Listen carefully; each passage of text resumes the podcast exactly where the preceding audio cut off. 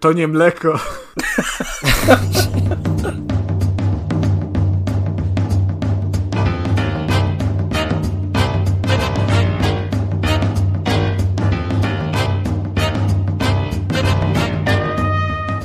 Jeszcze miałem to zakończyć, że, że dzisiaj naszym gościem w odcinku Agrofarmy był Kacper Cembrowski. A teraz przejdźmy do ceny żywca. Nie mogę sobie przypomnieć, jak się nazywał ten taki rolniczy program na, na, na TVP lokalnym, tym TVP3. Chyba to leciało. Nie? Agro... Ag agrobiznes? Agrobiznes. O, agrobiznes, no. widzisz. A teraz jeszcze fajne, ja ci mogę polecić, jakbyś kiedyś, nie wiem, czy przez VPN-a, czy przez coś, e, tylko nie pamiętam na, na czym to leci. E, chyba na TTV, czy na, na czymś takim podobnym ale jest y, program, który się nazywa Rolnicy Podlasie. I to brzmi w ogóle, no właśnie, to brzmi strasznie bekowo, nie? Że masz to wyobrażenie takich, wiesz, chłopaków do wzięcia, tych Takie Jarków Mergnerów. Patorolnicy z Podlasia, tak, tak, tak, taki klimat. Tak, że tam Kononowicz będzie leżał w polu i, i w ogóle wszystko. Natomiast to jest autentycznie zajebiście ciekawy show w której ja kiedyś włączyłem dla Beki, to potem, potem oglądałem i chłop mi tłumaczył na kombajnie, że jak trzeba siać owies, żeby to było dobrze wyrosło, że tutaj wtedy wiemy, jak jest dojrzały, jak, jak tutaj rozetrzemy i coś tam. Ja siedziałem i tak kiwałem głową, że no, no, faktycznie to, to, to, to sprytne jest, to tak, tak może być. Ale to jakoś rok czy dwa Także temu polecam, pamiętam, fajne. że czytałem jakiś, jakiś wywiad z youtuberami rolniczymi i te kanały ponoć są strasznie popularne na YouTubie, gdzie tam sobie rol, rolnicy jakieś takie, wiesz, streamują właśnie jeżdżenie kombajnem, sadzenie, sranie w banie i to ponoć się całkiem dobrze przyjmuje przez, przez ludzi. No jest to taki specyficzny target pewnie, ale, ale działa. No dobrze, to, to już kończąc temat owiesów, wódek i agro czegoś tam z TVP, E, ulubionej stacji Konrada. Najlepiej. No, witamy w kolejnym odcinku Trójka Podcast. E, za mikrofonami Konrad Noga. Dzień dobry, cześć. Kuba Smolak. Cześć, witam. Oraz Kacper Cembrowski i również was bardzo serdecznie witam. E, no, zaczęło się to ciekawą dyskusją, całkiem taką niecodzienną jak na podcast growy, ale Konrad mówił ostatnio, że mam określony, żeby był segment recenzowania piwa Także z tego co mi wiadomo, to na, na dzisiaj przygotował kuflowe mocne. Mm, nie, Myślę, właśnie kuflowego nie mam. Tak w, ja, ja rozważałem kuflowe. A wziął, wziąłeś złotego dęba. Nie, mam halne, mówiłem, mam halne pełne 6%, nie słuchasz mnie. I herszta mocne y, 6-8% i halne to jest potęga A, pi, a piłeś romperka? Y, nie. A to widzisz. Musisz, musisz spróbować. Bo z tego co się orientuję, to chyba kosztuje złoty 99, także cena, cena na pewno. Nie no, wysoka, to jak w, ze, w zeszłym, na zeszłym nagraniu, to jak szlacheckie pijem, to ono kosztuje chyba złoty 70, więc bardzo, bardzo... A odcinek się udał fenomenalny, to jest po prostu najlepsza, najlepsza inwestycja do tej pory chyba w ten podcast. No. My wcale nie potrzebowaliśmy produkty... lepszych mikrofonów, tylko piwa tańszego. No także w opisie macie link do Patronite'a, jak chcecie nam wysłać pieniądze na, na halne, to zapraszamy. A piwo bardzo dobre właśnie mi się skończyło. To, to, to w 20 minut obaliłeś całą puszkę tego mocnego piwa? Stary, zgrzewkę. Nie, nie, Słodki jeżo. To to będzie krótki odcinek. jakby co to... jakby co to mam jeszcze zapas w lodówce likierów i, i w szafce mam jakieś bimbry. Zacznijmy od recenzji Konrada, bo później, póki siedzi jeszcze, jeszcze później może być ciężko. Jakby w późniejszej tam części podcastu Konrad przestał mówić, to, to już znacie przyczynę, także jak coś to się nie martwcie. Dobra, ale myślę, że standardowo możemy zacząć od newsów z growego świata. Um, I tak, chwilkę po nagraniu poprzedniego odcinka um, miejsce miał Pokémon Presents i troszeczkę szkoda, że nam się nie udało jeszcze załapać na to wcześniej. E, w każdym razie zapowiedziano trzy rzeczy właściwie, z czego jedna jest bardzo ciekawa według mnie, a dwie takie me. Więc zaczniemy od tych me. E, przede wszystkim pokazano, w ogóle to jest dla mnie śmieszne, bo konferencja trwała bodajże 25 minut i przez pierwsze 10 minut mieliśmy tam e, materiał przygotowany, e, który tak naprawdę prezentował całą historię Pokémonów, tam. Wszystkie części na wszystkich konsolach Nintendo, było to ładne, oczywiście, ale, ale nie jako tak naprawdę początek i większość czasu tej konferencji, także tutaj troszeczkę minus na samym początku. Mm. W każdym razie, przechodząc dalej, pokazano nowy, e, nowy zwiastun New Pokémon Snap, e, czyli to jest gra, w której fotografujemy Pokémony. Ona w ogóle chyba jakoś niedługo wychodzi, nie? No właśnie też bo... jestem zaskoczony, bo myślałem, Nintendo chyba nie ma w zwyczaju zapowiadać gier, które wychodzą yy, w, nie wiem, w przeciągu kolejnego półrocza. A to Pokémon Snap chyba jakoś w kwietniu wychodzi? Oj nie, e, chyba tak była wcześniej zapowiedź. Znaczy, no tak, tak, tak, Snapy, bo to jest tylko nowy trailer. E, snapy zapowiedziano wcześniej. Eee ale, ale właśnie i, tak, i tak one całkiem szybko się pojawiły e, po zapowiedzi, jak na Nintendo też właśnie mi się tak wydaje, że mm, no w każdym razie nie wiem, czy jest nad, nad się sens nad tym skupiać, bo, bo wydaje mi się, że... Ale czekaj, to ma być bezpłatna gierka, tak? Bezpłatna? Mi się wydaje, że nie. To jeszcze za takie fotografowanie Pokémonów to trzeba będzie zapłacić? No mi się wydaje, że tak. To nie, może mi się z czymś innym z czymś innym plącze. Ale tam coś miało być jeszcze jakaś, jakaś kawiarnia, jakieś prowadzenie kawiarni z Pokémonami, co, coś takiego? E, jest, Pokémon Cafe Mix, ale ty już masz na e-shopie. Aha, aha. No nie, nie, ja nie jestem. pobrać. Ja się z Pokémonami zatrzymałem na, na gumach Boomer. Tam się zbierało takie e, naklejki i to była pierwsza generacja, tych Pokémonów było 150 i wtedy było najlepiej. Dziękuję, do widzenia.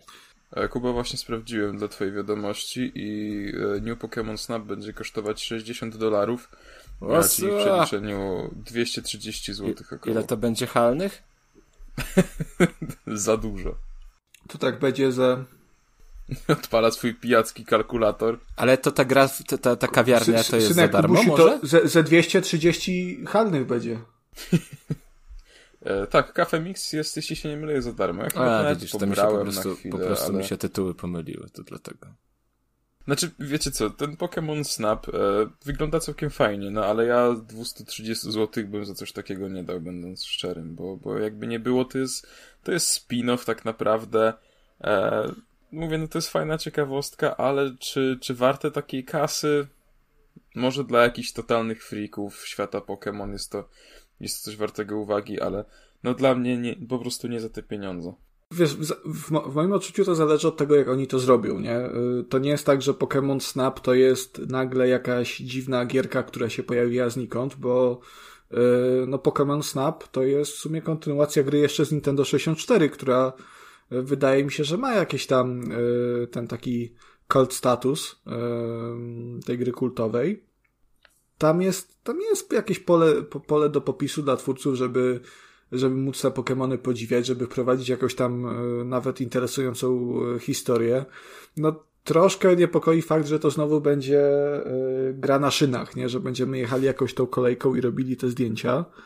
Mm, natomiast dla, dla fanów serii Pokémon to może być, to może być super gierka, nie? No poza tym, jasne, no dla nas jakby tych, tych hardkorowych graczy, żeby to tak brzydko nazwać, to jest, to jest no dziwna gra, bo my wolimy raczej takie gry, w których się e, jednak robi coś konkretniejszego niż tylko cyka e, fotki. Natomiast no gry Nintendo i konsole Nintendo to są sprzęty i produkcje skierowane też do takiego bardziej familijnego grona odbiorców. Nie, no dobrze, ale Konrad, ja powiedziałem, bo Pokémon wygląda naprawdę ładnie. Zresztą ten trailer jest naprawdę bajeczny. I ja wierzę i, zresztą no ja jestem święcie przekonany, że ta gra może przynieść sporo frajdy. Ale chodzi mi o to, że ile ty w nią pograsz? Porobisz te zdjęcia, no ile, 4-5 godzin to jest maks. No już ci się po prostu to znudzi zwyczajnie. I chodzi mi o to, że gdyby ta gra kosztowała, przyjmijmy, 50 zł, to jak najbardziej. No to sam bym z ciekawości sprawdził, ale w momencie, kiedy to kosztuje 230 zł, no to wolę sobie kupić inny duży produkt Nintendo na, na Switcha niż, niż coś takiego. tylko wiesz, znowu wracamy do dyskusji z zeszłego odcinka i związanej z cenami oraz Nintendo, które lubi się wyceniać bardzo drogo, nie? No, to znowu, ja wątpię, że, że też ta gra stanieje poniżej tych 220 zł. I nawet na promocjach, jeżeli będzie jakaś promocja, to będzie to promocja rzędu minus 15 zł, bo ostatnio się takie pojawiły wielkie promocje na gry Nintendo. No, ostatnio była fajna promka na Super Mario Maker 2 na, na shopie, bo było za 185 zł chyba. Super. Także to była ładna. Ekstra. No, no to była ładna promocja, jak na standardy nintendowskie, to... No ale jak kupujesz na e-shopie, to nie masz pudełka, więc, więc już po prostu to jest kasa wydana całkowicie, nie odsprzedasz tego w razie czego, tak? No tak, no tak, no to prawda. No i wiesz, no, w, w, wydaje mi się, że jeżeli ktoś jest fanem Nintendo i kupuje Switcha dla gier Nintendo, to on się liczy z faktem, że te gry będą zajebiście drogie, one nie będą taniały i, no i w sumie tak jak mówiłeś, New Pokémon Snap to jest taka gra dla freaków, yy, ultra fanów Pokémonów, którzy chcą sobie to pofotografować. Ja na pewno będę śledził wyniki sprzedażowe, bo mnie to strasznie ciekawi, czy ona faktycznie się, się dobrze sprzeda, czy mm, no, no jednak to będzie taka gra jednak troszeczkę niszowa. No, ciekaw jestem, bo, bo no jak to pierwsza część wychodziła na, na Nintendo 64, no to, to jeszcze nie miałem jak tego śledzić. Ale w, w ogóle to jest, to, to jest coś ciekawe, bo w przypadku, w przypadku Nintendo 64 dochodził jeszcze ten motyw, że y, to była pierwsza konsola Nintendo, która oferowała y, grafikę trójwymiarową, nie? Więc y, no, Pokémony wtedy i jeszcze przez długi czas później były, op były oparte na, na sprite'ach, no bo hulały na Game Boyach, nie? Także to Pokémon Snap na 64 miał ten, tą wartość dodaną, że gracze mogli sobie e, odpalić grę i podziwiać te Pokémony w fotorealistycznej, powiedzmy wówczas grafice, a przynajmniej ładnej trójwymiarowej grafice. No teraz to jest no, no przecież te Pokémony są już trójwymiarowe od jakiegoś czasu. To, czy one wyglądają ładnie, to jest kwestia dyskusyjna. No ale no, no jestem ciekaw, bo wydaje mi się, że Nintendo musi mieć jakiś plan na to, że, że oni nie są taką firmą, która by wydała byle co. E, dalej, z wieści już bardziej ciekawych. E, Nintendo ogłosiło, że pojawi się remake Pokémon Diamond i Pearl o, o nazwie Brilliant Diamond i Shining Pearl. I no to jest podobna akcja, jak było przy Let's Go Pikachu i Let's Go Eevee. Natomiast troszeczkę się rozczarowałem szczerze szatą graficzną, bo mm, ta gra mi bardzo przypomina Zeldę na, na 3DS-a, tą bardzo dobrą, The Link's Awakening i z całym szacunkiem, to, to Zelda to, to jest gra świetna, ale no wydawać w 2021 roku grę, która wygląda w ten sposób, tym bardziej, że e, i Let's Go Pikachu Eevee i Sword Shield nas przyzwyczaiły już do troszeczkę takich lepszych, lepszych grafik i nie wiem, trochę tej decyzji nie rozumiem. Strasznie, strasznie brzydka jest ta gra. Troszeczkę wieje taką nostalgię. Jeśli graliście w stare Pokémony, no to, to gdzieś tam to budzi to jakieś uczucie w serduszku. Ale nie jestem w stanie tej decyzji, szczerze mówiąc, zrozumieć. Jakoś, kurczę, nie wiem. Nie przekonuje mnie to szczerze. Zobaczymy, jak to wypadnie, jak się w to będzie grało. Natomiast mm, wydaje mi się, że przy natłoku obecnych gier taka grafika może troszeczkę od siebie odrazić. Ale z drugiej strony miałeś Let's Go Pikachu, które wyglądało fajnie, ładnie, ale to koszmarna gra i po Let's Go Pikachu to ja nie sięgnę po żadne Pokémony przez długi, długi czas. Czy, czy była tragiczna? Nie powiedziałbym, że była tragiczna. No nie było to nic specjalnego na pewno. Um, ale czy była zła? Wiesz, to no, Pokémony jak Pokémony. Chociaż no grałem na 3DS-ie w Pokémony X, no to faktycznie no, były sporo lepsze od tego Let's Go Pikachu, ale, ale czy bym nazwał mm, Let's Go Pikachu grą tragiczną? Chyba nie. Ja przy tym się nudziłem okrutnie. Czym to się różniło od innych Pokémonów?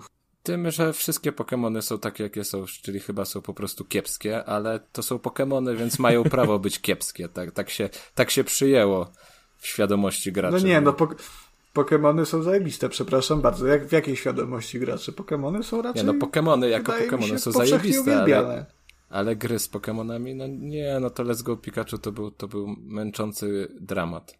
No jak, przecież te, te Redy, Blue, y, jakieś te, te późniejsze Goldy, no to mają kultowe gry, błagam. Nie, no to ja też przy tym spędziłem dziesiątki godzin przy tych pierwszych Pokémonach. Yy, yy, żółtych, czerwonych, niebieskich, zielonych i jakie tam tylko były.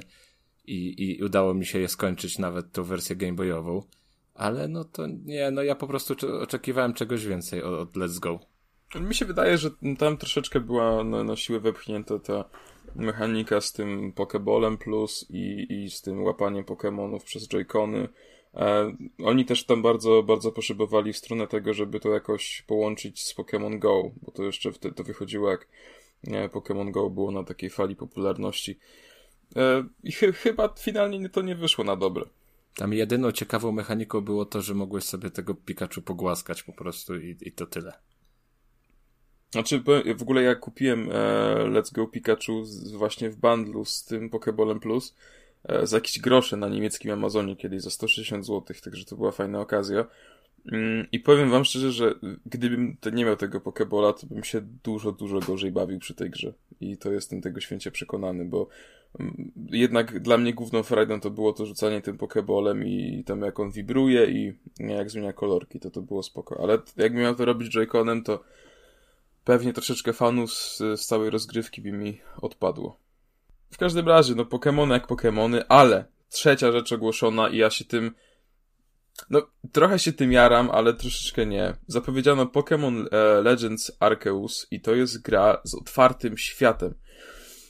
I pomysł jest po prostu zajebisty. Ta gra na trailerze wygląda jak e, troszeczkę jak Zelda e, z, ze Switcha. I sam pomysł tej takiej mechaniki, że możesz sobie biegać po, po, po świecie, gdzieś tam się chować w krzakach, skradać, rzucać pokebolami w e, latające koło drzew, koło, wokół drzew Pokemony. No świetna sprawa, tylko problem jest taki, że nie wiem dlaczego oni postanowili zrobić tę grę na, na silniku Pokemonowym, bo ta gra się kurwa tnie na zwiastunie. To, to ja naprawdę nie wiem, jak, jak finalny produkt będzie wyglądał. Jeśli tego nie zmieniam, a na 99% tego nie zmieniam, no to ja się boję, że ta rozgrywka będzie naprawdę, naprawdę kiepska i, i że będzie to całkiem męczące. Sam pomysł propsuje bardzo, bo ja o tym marzyłem już od lat, ale boję się, że, że, że wykonanie będzie troszeczkę, troszeczkę gorsze. Czy wszystkie Pokémony nie, nie są osadzone w otwartym świecie? E, no to takie trochę czepialskie pytanie teraz z twojej strony, wiesz? No ale znaczy, nie, ona poważnie cię pytam, prowadzi, bo... prowadzi cię ta fabuła, y, nie możesz sobie pójść tam, gdzie chcesz. Y, po prostu w teorii jest to, nie wiem, no w, teo no w, teorii jest to otwarty świat, ale z drugiej strony co to za otwarty świat, jak na przykład, wiesz, przejście gdzieś tam blokuje ci śpiący Snorlax e, i musisz e, wykonywać wszystkie questy, żeby znaleźć jakiś tam flecik, dostać od, od jakiegoś starego mędrca, żeby go obudzić. E, wiesz, właściwie w Pokémonach, no, no w teorii masz otwarty świat, ale właściwie to, to gra prowadzi cię za rączkę i musisz iść po kolei, żeby, żeby go w, w pełni zwiedzić, nie? E, tutaj spotykamy się jakby, e, to będzie w ogóle gra e, z, z widokiem z trzeciej osoby. Mówię, no roz, rozgrywką to mi przypomina bardzo Zelda, e, Breath of the Wild. Wyglądem zresztą troszeczkę też, więc to już jest troszeczkę inny kaliber mimo wszystko. Ale ty się obawiałeś o stronę techniczną. Tak, A, tak. Tak, ale ja tak we, te, te wszystkie gry od Nintendo to nie grałem, nie mam aż tyle, e, tyle doświadczenia co wy. Ale któraś gra Nintendo miała problemy takie techniczne, nie wiem, gubiła klatki, paskudnie wyglądała albo coś takiego? Wiesz co, no nie przypominam sobie. Natomiast no mówię, no nie wiem czy ten trailer widziałeś, ale ta gra tnie na zwiastunie. I to jest przerażające.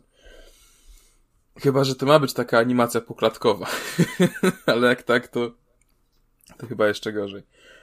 Y, nie wiem, no mam nadzieję, że to jakaś pomyłka, że jednak ten silnik da radę uciągnąć ciężar takiej produkcji. Y, mocno za to trzymam kciuki, bo bo mówię, no, no jest to coś, o czym marzyłem od, od dawna i samym projektem się jaram naprawdę, naprawdę bardzo. A wy jakie macie wrażenie na, na, na temat y, Legend Arceus?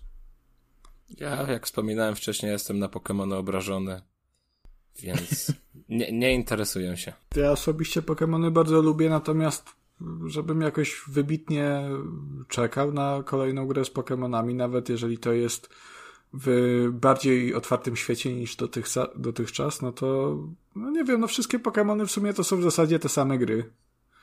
Yy, fajnie jest nie pograć. To są, to są dobre produkcje, no ale, ale jeżeli się grało w jedne Pokémony, to tak naprawdę grało się we wszystkie. Yy, więc jakoś, ale jakoś to nie będzie czekam całkowicie bardzo. coś innego. Ale to jest Konrad całkowicie inna bajka właśnie. To jest w ogóle nowe spojrzenie na serię. A to już było dużo takich, były jakieś te, te bijatyki pokemonowe, na, nawet to New Pokémon Snap, które żeśmy gadali, to jest nowe spojrzenie na Pokémony. No nie wiem, no jakoś ta marka mnie po prostu nie ekscytuje, nie ekscytuje jakoś tak bardzo. Ja mam y, olbrzymią nostalgię do, do pierwszych gier. Y, natomiast no trochę mi to lata, szczerze powiedziawszy. Czyli jak zawsze włączył ci się Maruda i, i tyle. O Maruda, wcale nie Maruda. I tym samym udowodniliśmy Dobrze. tezę z poprzedniego odcinka, że Kacper jest fanboyem Nintendo. Ja bzdura. Potwierdziliśmy tezę, że Konrad jest marudą i to tyle. E, no to dobra, no to właściwie to było wszystko na, na tym Pokémon Presents. Mm, przechodząc dalej, tutaj tylko taka szybka notka, nie ma się nad czym rozgadywać. Mm, pewnie wszyscy wiedzą, jakiś czas temu CD Projekt Red e, miał kłopot z hakerami.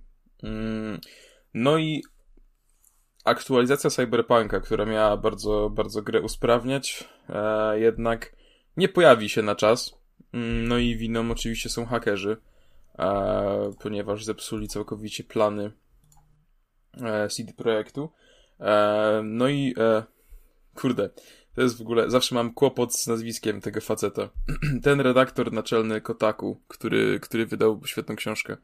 E, Jason Schreier, tak to się czyta? Schreier bym powiedział. Schreier, okej. Okay. E, poinformował graczy, że, że ponoć właśnie ten atak hakerski e, zastopował całkowicie ruch w City Projekcie na dwa tygodnie, że w związku z tymi wydarzeniami w ogóle przestali pracować, bo musieli się za, za, zająć innymi kwestiami, także to no powiem wam, że troszeczkę się tego gówna wylewa na CD Projekt. Czy zasłużenie? Wydaje mi się, że aż chyba, aż chyba tak to, to, to nie. Z drugiej strony ja w ogóle nie jestem fanem takich, takich rozwiązań jak właśnie jakieś ataki hakerskie, więc mm, wydaje mi się, że, że to troszeczkę był cios poniżej pasa. Dlatego też nie ma jeszcze tego DLC, co, co, co było obiecane na początku stycznia. Darmowego DLC. Ciekawe, czy to jest naprawdę faktyczny powód, czy trochę takie użycie wymówki, bo, bo akurat e, się, co, się znaczy, dobrze złożyło. Mi się, wy, mi się wydaje, że chyba troszeczkę jedno i drugie, wiesz? Może być, może e, być. Ale, ale myślę, że, że w sumie... Co to znaczy no, jedno i drugie? To znaczy, że raz, że faktycznie mieli kłopoty i zwykła obsługa była bardzo możliwa, ale dwa, że korzystając z okazji stwierdzili, że sobie to podepną pod... Yy, pod ataki hakerskie. Nie, no to, to nie wydaje mi się, żeby oni to podpinali pod ataki hakerskie. Yy, no faktycznie to jest tak, że, że jeżeli yy, zdarzy się jakiś włam i na przykład hakerzy ci danej firmie zablokują w ogóle dostęp do, do wewnętrznych plików, no to to kompletnie wyłącza firmę z działania na przynajmniej, wiesz, tydzień, nie? Bo z tego, co, co tam czytałem, no to, no to CD Projekt negocjował gdzieś tam z hakerami, koniec końców e, nie zgodzili się zapłacić okupu. No i wszystkie te dane, e, włącznie z danymi pracowników, tego co, co, co pamiętam, e, trafiły do Dark Webu, nie? Na jakieś, na jakieś te aukcje. Także nie, nie wydaje mi się, żeby, żeby, żeby CD Projekt był tak zdesperowany, żeby musiał wymyślić atak hakerski albo chociaż korzystać z niego jako wymówkę do, do obsuwy. Ja, wydaje mi się, że nawet. No, ale obsuwa... pamiętajmy, że był tak zdesperowany, że wiedział, że wydaje kiepską grę, a mówił, że wszystko działa. No to jest, to jest jeszcze gorszy poziom desperacji. Tak to było jak w tym memie z, z pieskiem, co siedzi w środku palącego się domu. No, no dobra, ale wiesz, tutaj, jeżeli chodzi o premierę samego Cyberpunka, to jeszcze jestem w stanie to zrozumieć, nie? No to jest spółka giełdowa, tam są akcjonariusze, yy, siedzą ludzie u góry, którzy może nie do końca kontaktują z tym, jak, jak, jak to wszystko wygląda na dole. I oni ustalają termin do, do, tego, tego i tego dnia gra ma po prostu wyjść. Nie? Natomiast jak już gówno się wylało, no to w zasadzie oni już nie mają tego terminu. No, no ta gra i tak sprzedawała się jak ciepłe bułeczki, nawet y, pomimo tej wielkiej gównoburzy. Więc jakiekolwiek prace nad, nad tym, no, nie, nie mają jakie, jakiegoś deadline'u, nie? Przynajmniej. No ale widzisz, mnie to, mnie to na przykład wcale nie dziwi, że Cyberpunk się sprzedał dobrze, bo to było wiadome, pomimo tych kłopotów, no ludzie na, na tę grę po prostu czekali. Ja uważam, że e, jeśli CD Projekt poniesie jakieś konsekwencje wśród graczy i fanów e, w sprawie Cyberpunka, no to to wyjdzie przy dopiero kolejnej grze, bo e, Cyberpunka każdy brał w ciemno. Po świetnym Wiedźminie 3 E, po tylu zajebistych trailerach, no po prostu według y, ludzi, no ta gra się nie mogła nie udać i ja też tak uważałem. Mm, no i uważam, że dopiero teraz, po, po, tym, po, po tym co się stało z Cyberpunkiem, to dopiero przy premierze kolejnej gry CD Projektu będziemy mieli te, jakiekolwiek owoce tego. Zresztą chyba nawet my wszyscy do, już do, do premiery yy, kolejnej gry CD Projektu troszeczkę podejdziemy bardziej na chłodno, mi się wydaje. Tak, zdecydowanie. Myślę, że oni no. sami już trochę podejdą na, na chłodno. Miejmy nadzieję, miejmy nadzieję. nie będą tak rozdmuchane. Nie no, poczekamy, poczekamy, kiedy się ten patch pojawi, no. Jak, jak długo to będzie obsuwa, bo on się jeszcze nie pojawił. Nie, nie, nie. Nie, no i e, miał się pojawić e, jakoś niedługo. A od no, tego, od tego no, ataku hakerskiego to trochę już minęło. Trochę tak, bo to już, już sprawa miała, miała swój pik jakiś czas temu. Będąc przy temacie y, gier, nie, to przejście mi nie wyszło. Chciałem coś sprytnego wymyślić. E, w każdym razie dostaliśmy y, troszeczkę nowych informacji na temat tego mitycznego Dead Island 2. E, czyli, czyli. Co tam się e, wydarzyło? No. E... Ulało się Konradowi. Tyle się... Nie, nie uprzedzajmy faktów. Tyle się... Niech Kacper poda newsa. Dobrze. News o Dead Island 2 brzmi tak, że twórcy nie chcą robić już gry na konsole starej generacji. Także niestety Dead Island 2 nie pojawi się na PlayStation 4 i Xbox One. No, przepraszam, ale... No i to, to właściwie wszystko, nie? Sprawa Dead Island 2 bawi mnie z tego względu, że kiedy pokazał się ten y, pierwszy trailer, to był chyba 2013 rok w ogóle, y, gdzie tam... 14. 14 no, w każdym razie, no to da, bardzo dawno. No jak ta fajna muzyka była, nie? Tam y, taka bombastyczna, chłop biegł, potem przemieniał się w zombie. Ja byłem tak zajebiście najarany na Dead Island 2 i no, 8 lat później dalej czekam na Dead Island 2. Y, gra zmieniała chyba dewelopera ile? 3-4 razy już? I... E, no jakoś tak, 3 albo 4. Za każdym razem zapewniają, nie, nie, no pracujemy, spokojnie, będzie, będzie Dead Island 2. mnie najbardziej, najbardziej, najbardziej mnie rozpierdala to, że na stronie dewelopera e, cały czas masz, poszukujemy pracowników, nie? I tylko ci się zmieniają po prostu wytyczne. Wcześniej tam było, że szukamy ludzi e, z doświadczeniem na PC, PS4, Xbox One, potem było na PC, PS4, Xbox One i konsola nowej generacji. Teraz stwierdzili, dobra, ej chuj, bo to grę wydajemy już 9 lat, nie? to zrobimy tylko na nową generację. Ta, ta gra po, poza tym, poza tym zwiastunem ta gra po prostu nie istnieje, nie? Także yy, jak, jak widzę newsa, że no Dead Island 2 nie ukaże się na konsolę y, po, tej poprzedniej generacji na Xbox One, PlayStation 4, no to no wow! Poważnie? Ja to już wiedziałem, bo nie wiem, z pięciu lat, no ta gra nie istnieje. Ta... Wydaje mi się, że najlepszym rozwiązaniem było po prostu zaorać całą grę. I nie wiem. Ale ja się strasznie dziwię, bo przecież Dead Island pierwszy i ten potem, e, to był chyba spin-off, ten Riptide. To był taki, e... no, kontynuacja, ale, ale w zasadzie działająca na, to było Dead Island 1 na sterydach tak naprawdę, no. Ale to naprawdę dobrze się sprzedawało. I powiem więcej, ja w to grałem, e, w ogóle w koopie w to grałem na PS3, to była świetna zabawa mhm. i ja naprawdę się dziwię, że mi tę markę pogrzebali, bo to, to miało potencjał. To, to naprawdę mogło zarobić kupę kasy. Jeżeli ta gra wyjdzie, ja, ja nie, po prostu nie wierzę, że ona będzie dobra. To będzie, to będzie koszmar pokroju e, Duke Nukema Forever, nie? Czy, czy innych tego typu gier, które przez Ty, 15 a właściwie ile, ile wychodził Duke Nukem Forever? 13 D lat? 12. 12. 12. Mhm. No to kurwa, jeszcze 5 i mamy. Tam może jest taka Januszowa, że po prostu jest gdzieś ogłoszenie o pracę na Elixie, że oferujemy um umowę na stałe, ale pierwszy miesiąc próbny na czarno i oni tak biorą, wiesz, nie płacą za pierwszy miesiąc, następny gość do robienia gry. tak to się najpierw biorą, najpierw biorą na testy, a potem no jednak nie przedłużymy panu umowy. nie, ale Dead Island 2 po prostu nie wyjdzie i ja w to nie wierzę. Już nawet na to nie czekam. Tam były różne trailery na początku, ale w zasadzie od kilku dobrych lat y, jedyne co się pojawia w sieci to fakt, że gra po raz kolejny zmieniła studio, ale dalej powstaje, więc to mnie kompletnie nie dziwi. Ja... Czy no nie, no ja też nie wierzę i mówię z całym moim zamiłowaniem do jedynki i do, do Riptide.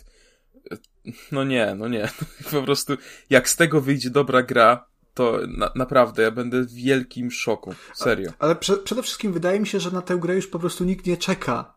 Bo Dead Island na początku w 2011 roku, jak wyszło, ono miało ten moment, kiedy zrobiło się duże i każdy był zajarany, nie? Na tej fali na przykład stworzono Dying Light, które w zasadzie jest takim, e, taką nieoficjalną kontynuacją, nie? To jest na, na tych samych tak zasa uważam, zasadach. tak uważam. Więc... No i właśnie, wiesz co, wydaje mi się, że ten Dying Light był troszeczkę właśnie gwoździem do trumny dla Dead Island, bo, bo po co ci to Dead Island 2, skoro masz zajebiste Dying Light, nie? To ty już nie potrzebujesz tego Dead Island 2. No, no wiesz, no tylko The Dying Light też ma już swoje lata, nie? No ono wyszło w którym? W 14? W 13? Chyba tak. Ale dwójka już jest za rogiem. Już dwójka zaraz będzie, no. O, no Poczekaj, o. nie uprzedzaj faktów, bo chciałem ładne przejście zrobić. To, to, to widzę... Techland, Techland nie ma szczęścia do sequeli swoich gier, niestety. Dobrze, właśnie wracając, bo chciałem takie sprytne przecież zrobić, że ho, ho, ho, no ale te gry o zombie z dwójką w tytule to, to się nie udają. Ale Kuba tutaj troszeczkę już, już e, wyskoczył. Ja no faktycznie e, to było przodu. takie dobre przejście, że zjebałem. To muszę przyznać. Było, było świetne, było świetne. W mojej głowie brzmiało fenomenalnie. Jakby były jakieś e... nagrody dla podcasterów, to byś musowo dostał, słuchaj, przynajmniej nominację za to przejście. E, no w każdym razie, e, Techland właśnie e, jakiś czas temu, kilka dni temu, zabrał głos w sprawie Dying Light 2 i się bardzo cieszę, bo ja już bałem się właśnie, że, że Dying Light podzieli los Dead Island i ta dwójka się nigdy nie ukaże. Fajny byłby e... taki komunikat, że zabieramy głos w sprawie Dying Light 2, jest chujowo, ale stabilny. Tyle. Czy no, Te Techland też miał swoje problemy całkiem sporo jakiś czas temu, więc dużo osób faktycznie już, już też właściwie e, stawiało krzyżyk nad Dying Light 2, ale Techland powiedział, że Właśnie, czy dali ogłoszenie, ale to strasznie dziwna sprawa. E, powiedzieli, że powiedzą więcej w środę, czyli 17 marca, e, natomiast nie napisali w ogóle, czy będzie jakiś stream, czy to będzie konferencja, czy to będzie po prostu wysłanie newsa na, na Twitterze. E, podali tylko link do swojego Discordowego serwera, e, także do końca nie wiem, jak to będzie wyglądało. E, później ktoś z Techlandu powiedział, że w środę na pewno nie podadzą nowej daty premiery i zresztą uważają, że głównym problemem Dying Light 2 było to, że za wcześnie je zapowiedziano, że oni potrzebowali dużo więcej czasu i dużo więcej pracy musieli poświęcić tej grze niż się spodziewali i jakby zapowiadaniem tej gry na jakiś czas, na, na wyznaczoną datę, było dla nich tak naprawdę e, no, no... no. Ale to w takim razie nie jest problem z zbyt wczesną zapowiedzią, tylko to jest problem z zbyt wczesnym podaniem daty premiery. Nie, wiesz, ja nie mam problemu z tym, że oni powiedzą, hmm, oni robimy Dying Light 2. To jest 2. zbyt wczesna zapowiedź. No, ale to, teraz to jest mój komentarz. Ja nie mam problemu z tym, że okay. oni mi powiedzą, wiesz, że dopiero zaczęli kodować, stwierdzili, że okej, okay, ro robimy Dying Light 2. Ja nie mam problemu z tym, że oni mi powiedzą, że oni to robią. Ale jeżeli oni mówią, dobra, ta gra wyjdzie w 2019, nie? Mimo, że do premiery dzieli ich 6 miesięcy, gra nie jest w ogóle rozpoczęta nawet produkcja, no to kurde, to jest problem, a nie to, że zapowiada. Ja mogę poczekać. Spokojnie, ja, ja poczekam, ja mam bardzo dużo gier, ja gram w jakieś stare gówna, w jakieś dziwne indyki, które... Ja chciałem tylko powiedzieć w tym, w tym miejscu, przepraszam, że ci się wtrącę, no. Konrad przeszedł Final Fantasy VII i nie, nie ten remake, co jest teraz w plusie, tylko przed pierwsze Final Fantasy VII to prawdziwe na kurwa PSX-ie. Ten chłop poświęcił 40 godzin swojego życia, żeby grać... 50? Jeszcze kłamał, że nie ma grindu. ja ci powiem, wiesz co, trochę szanuję, trochę nienawidzę. Ej, au, ale autentycznie Final Fantasy VII to jest po, ponadczasowa gra, tak samo jak Super Mario 64, które też skończyłem. yy, i możesz do nich Ale w to grałeś teraz. na Switchu przynajmniej. Yy, tak, a na a Finala grałem na PlayStation Classic, więc też nie na oryginalnym no, ale to tak wiesz. Yy, ale, ale tak czy tak, no wiesz, no ja nie mam problemu z tym, żeby się cofnąć 50 lat wstecz i zagrać w Ponga, nie? Yy, ja lubię historię gier, to mnie pasjonuje i, i się jaram, więc to jakby. Stary, to... ja ci powiem tak, ja w tym roku e, w ogóle na nowo się pokochałem z 3DS-em. Ja w tym roku skończyłem e, Super Mario 3D Land, skończyłem Mario Kart 7, to już e, wiemy. Luigi's Mansion 2. I to są gry, które wyszły 2011-2013. I ja grając w to, sobie myślę, kurwa, ale zrobiłem sobie retro przygodę, nie? Ale pograłem sobie w gry, które mają już 10 lat. A nagle ty wyskakujesz, bum, gram na PSX-ie Final Fantasy VII, które wyszło w 97 roku. Jakby wtedy jeszcze na świecie nawet nie było. No Ale... właśnie dlatego to jest dla ciebie inaczej, te, te retro przygody. Ty ich tak nie czujesz, bo masz in, inne retro. Dla ciebie retro znaczy co innego po prostu. Ale ja, ja na przykład bardzo, bardzo lubiłem te gry, przecież ja, ja za dzieciaka na PSX-ie czy na PS2, to się zagrywałem jak wściekły. Ja najwięcej godzin e, w życiu poświęciłem właśnie na, na jakieś gry, szczególnie z PS2, bo to wtedy się zakochałem całkowicie i na PSP zresztą. I to są gry tam, które też wychodziły na, na początku lat dwutysięcznych. Ale no, sorry, ale nie wyobrażam sobie, żeby teraz grać w RPG na 50 godzin. Jakby to jeszcze była jakaś gra na 6, 7, 10 godzin, okej. Okay fajnie wrócić, można, można tam zrobić sobie taką nostalgiczną przejażdżkę. Ale JRPG na 50 godzin? Ja, ja nawet nie lubię JRPGów. Dobra. Teraz, teraz jedyny sposób, w jaki możesz się wybronić, to powiedzieć, że to był zakład. Już nie ma usprawiedliwienia na to. Ty, ty. Jakim smutnym głosem biegał w ogóle. Ja, ja nawet nie lubię JRPG-ów. A to, to było twoje pierwsze przejście, tak? To, to było moje pierwsze przejście. Ja się z Ale podejście po miałeś. Yy, wiesz co, miałem, bo kupiłem je kiedyś na... Bo ja mam, dwie, ja mam, Kurwa, ja mam no dwie, kopie, dwie kopie mam Finala. na amerykańskim PESA nie kupiłem kiedyś yy, ten Finala 7 za jakieś tam grosze i y, zacząłem w to grać, ale to było chyba, nie wiem, z dwa lata temu. Więc jakby to było moje, dalej to uznaję za moje pierwsze podejście, bo to y, jakby te ramy czasowe nie są tak duże, żeby wiesz, żeby zmienił mi się kompletnie pogląd na gry, żeby technolo technologia wyewoluowała.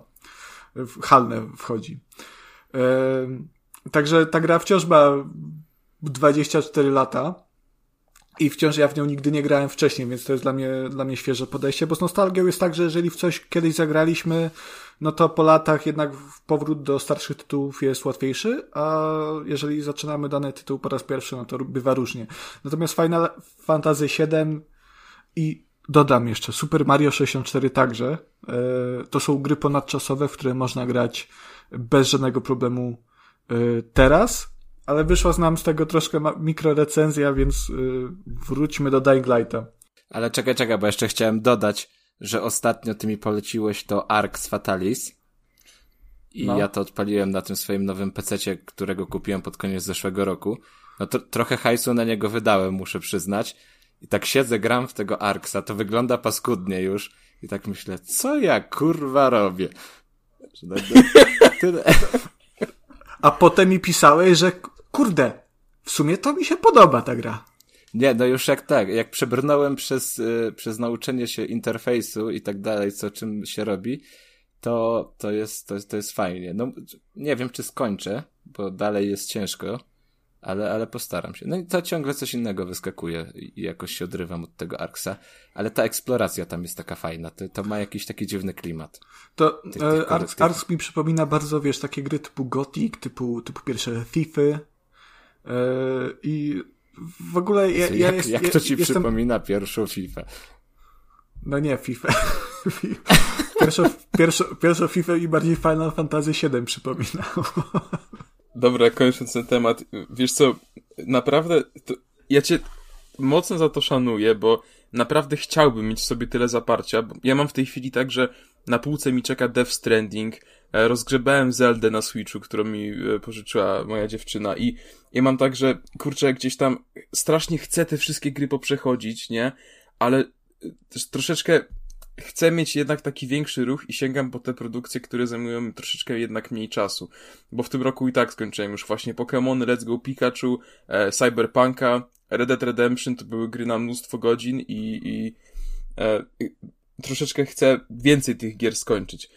Ale z drugiej strony, właśnie przez z tego powodu twierdzę, że jesteś trochę pojebany, nie? Że się na coś takiego decydujesz. Ale my wiemy, Kacper, jak ty te gry kończysz. Ty, ty przeszedłeś Mario do połowy, po czym wyłączyłeś i stwierdziłeś, a przeszedłem. Gówno, prawda.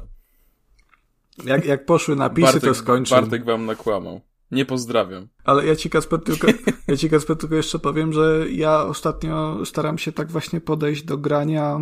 Yy, bo to, to jest ten problem, właśnie to, o czym ty mówisz, że grając chcemy kończyć jak najwięcej tytułów i przez to jakby wyłącza się w nas ta zdolność cieszenia się samym graniem, nie? Która jakby... Ale ja, masz rację, ja ci powiem, że od kiedy zacząłem prowadzić te takie Excelowe tabelki, co są popularne wśród graczy, to ja mam troszeczkę na tym punkcie teraz stary pierdzielca. Ja, ja po prostu no. mam tak, że patrzę, patrzę, mam tak, w bibliotece na PS4 mam trzy gry, w które chcę zagrać, nie? I tak patrzę, wchodzę na How Long to Beat, ta ma 15 godzin, ta ma 23, a ta ma 5. Myślę, o, dobra, to biorę Titanfalla 2, bo jego skończę w 6 godzin. Mhm.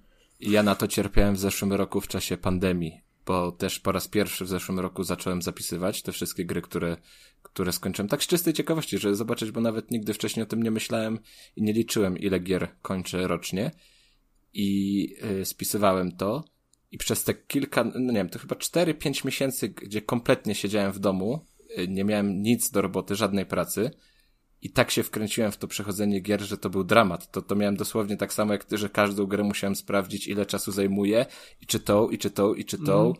I czy warto w tą grę to wpakować jest, 30 godzin? To, to trzeba się od tego odciąć, póki, póki się da, bo to, e, to trzeba, trzeba się cieszyć grami. A z ciekawości, e, zapisujecie w tym roku? Ile już gier skończyliście? Że ci kiedyś, ja ci pisałem ostatnio. Tak. Podzielcie się, bo ciekaw jestem.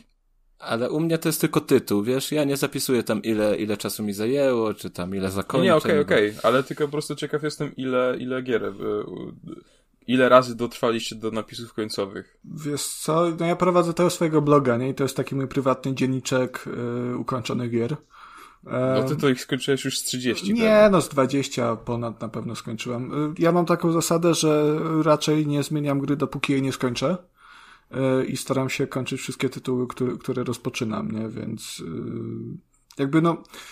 Tutaj, tutaj właśnie jest problematyczne to, to Excelowanie i sprawdzanie, ile gra, ile dana gra zajmuje czasu, bo potem zaczynasz jakiegoś długiego RPG i zamiast cieszyć się wszystkimi mechanikami, to chcesz go jak najszybciej skończyć, nie? Tak, tak. Ja się zacząłem na przykład z tego w ogóle leczyć ostatnio. I zacząłem e, po raz pierwszy. Piwem się leczysz. W... E, to tak, to nie, to ja zapi zapijam potem te, te bóle, które przechodzę przy starych grach. Ale zacząłem ostatnio y, grać po raz pierwszy w y, kolejne stare gówno, które tym razem się okazało być Icewind Dale 2. I sobie tak po, polutku gram, nie? To, to mi zajmie pewnie z dwa miesiące ale, ale, ale no fajne przeżycie, nie? No i, no i powoli się z tego leczę. Zresztą systemów tego, jak gry kończę i, i w które gry gram, to już przez lata miałem po prostu dziesiątki. E, I, w każdy, I za każdym razem na początku myślę, że jest kapitalny system po prostu. Teraz no genialny, nie? I z czasem one się robiły coraz bardziej liberalne i mam nadzieję w pewnym momencie po prostu wrócić do, do tych czasów, kiedy stwierdzam, ok, teraz sobie pogram w to, po raz 25 skończę GTA 3. No i było fajnie. No, no. Było fajnie. No, to się zgadza. To ja, ja dzisiaj chyba skończyłem, skończyłem rano tego lasta i chyba dobiłem do 18 tytułów. No to jest najsłabszy w takim razie, bo ja skończyłem 11, prawie 12. Bo ty się cieszysz grami, a nie tak pędzisz jak my. Dokładnie. Dobrze, wracając. E, no, w środę dowiemy się więcej o Dying Light'cie, natomiast no, nie dowiemy się chyba nic, nic takiego jakoś specjalnie ciekawego. Dobrze w każdym razie, że, że Techland w końcu coś powie, bo no już pora i czas, bo i, i tak za dużo, za, za długo trzymali graczy w niepewności. E, przechodząc dalej, Watch Dogs e, Legion, lub jak niektórzy wolą Legion, wreszcie doczekał się tego zapowiadanego na premierę trybu multiplayer.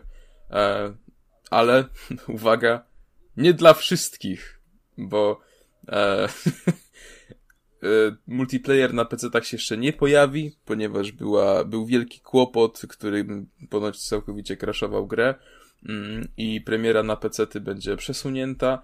E, teraz e, trybem multiplayer mogą cieszyć się gracze konsolowi i, i, i ktoś, kto ma grę na Google Study, czyli jakieś pewnie pięć osób. Tak się, e, tak ciekawości, no i jak wygląda ten tryb multiplayer w Watch Dogsach nowych? No właśnie, właśnie chciałem powiedzieć. E, możesz po prostu biegać sobie swobodnie po mapie i, i się coś tam wydurniać, ale ale no to Watch Dogs jednak, szczególnie Legion, to nie jest GTA, więc tam nie masz jakichś super, super możliwości.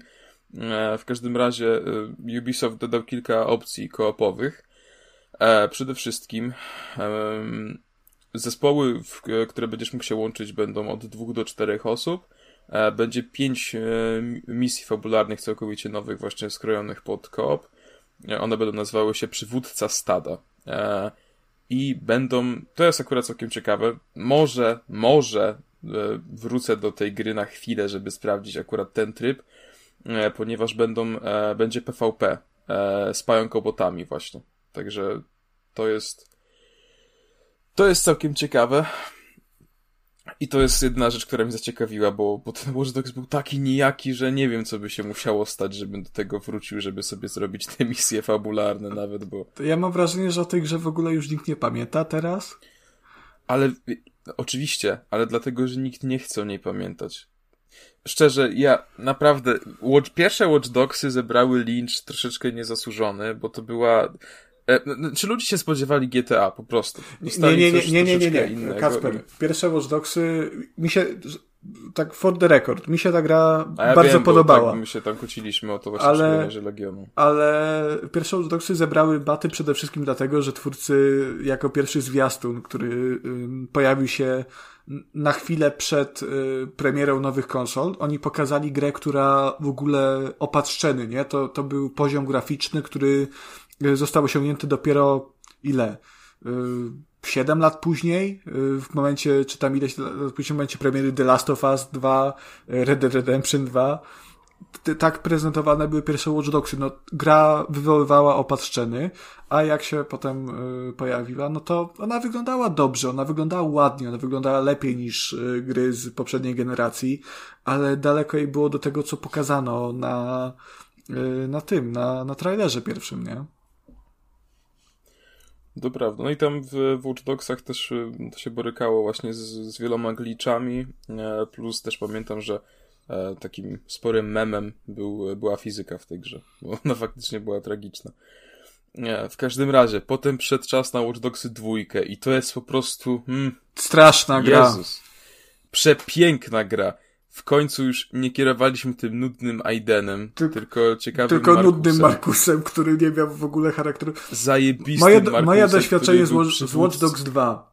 Mo... I jakby ja to, ja, ja Watch Dogs 2 przechodziłem z Magdą, yy, która jakby oglądała to jak, jak serial, nie?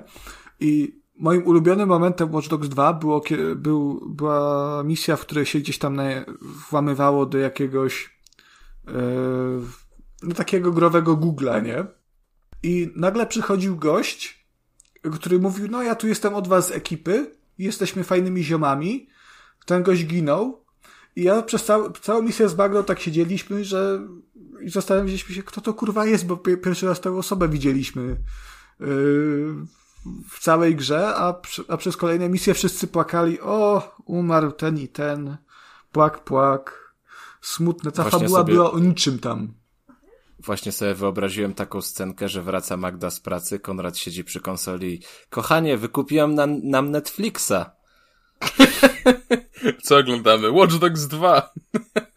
dobra, w każdym razie, dobra, już pomijam fakt mojego, e, mojej miłości do Watch Dogs 2. Jeśli uważasz, że dwójka miała kiepską fabułę, to zagraj sobie w ten Legion, wiesz? Zagraj w to i wtedy, wtedy uwierz mi, że wrócisz do mnie na kolanach i powiesz tak, Kacper, dwójka była zajebista.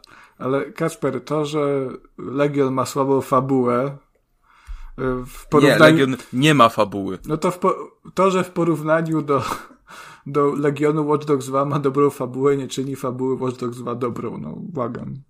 Znaczy, fabuła Watch Dogs 2 po prostu jest dobra. Watch Dogs 2 to jest po prostu dobra gra. To jest koniec dyskusji. Czy ja wiem. e, dobrze, no przechodząc dalej. E, na stronie Blizzarda pojawiła się bardzo ciekawa informacja. E, studio odpowiedzialne za, za innymi Diablo czy Overwatcha, o którym nie słyszałem nic od trzech lat. Jak, robi to, nowy, fenomen był przecież. E, nowy wysokobudżetowy FPS. I to jest gra w ogóle wcześniej niezapowiedziana.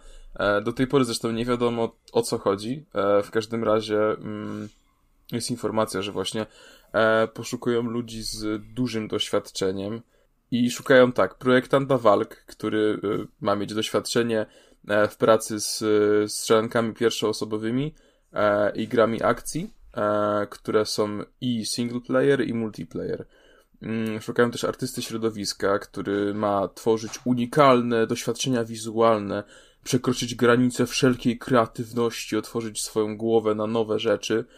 E, I szukają też twórcy poziomów, który ma stworzyć świetny, niepowtarzalny e, i po prostu zapierający dech w piersiach świat. Brzmi to oczywiście bardzo, e, bardzo wzniośle.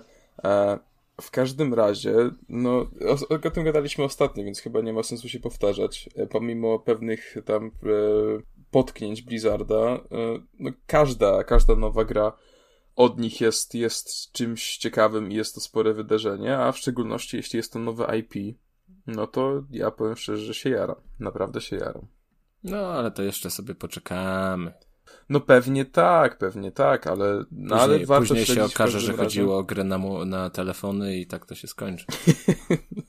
na Overwatch na, na, na, na mobilki.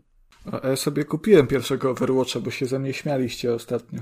Że nie rozumiem. Na co sobie kupiłeś? Jak to na Xboxa oczywiście. Na półkę. Na jedyną prawidłową konsolę, błagam. O. No, no w sumie na półkę też, bo na razie leży, ale, ale to nic. Kiedyś nadrobię. Jak już serwery no będą dobrze, zamknięte. Ko, ko... ja z tobą zagram, Konradku. Bo chyba tam jest... Yy, yy, jak to się nazywa? Prywatne serwery? Crossplay? Nie, nie, nie. Crossplay, właśnie. Tak, o to mi chodziło. czyli, więc... czyli Konrad nam obiecał po raz kolejny wspólne granie. Chyba nam co odcinek obiecuje wspólne granie i potem po prostu cicho siedzi przez dwa tygodnie. No ktoś te stare gówna musi zagrać, nie? No nie mam nieograniczonej ilości czasu.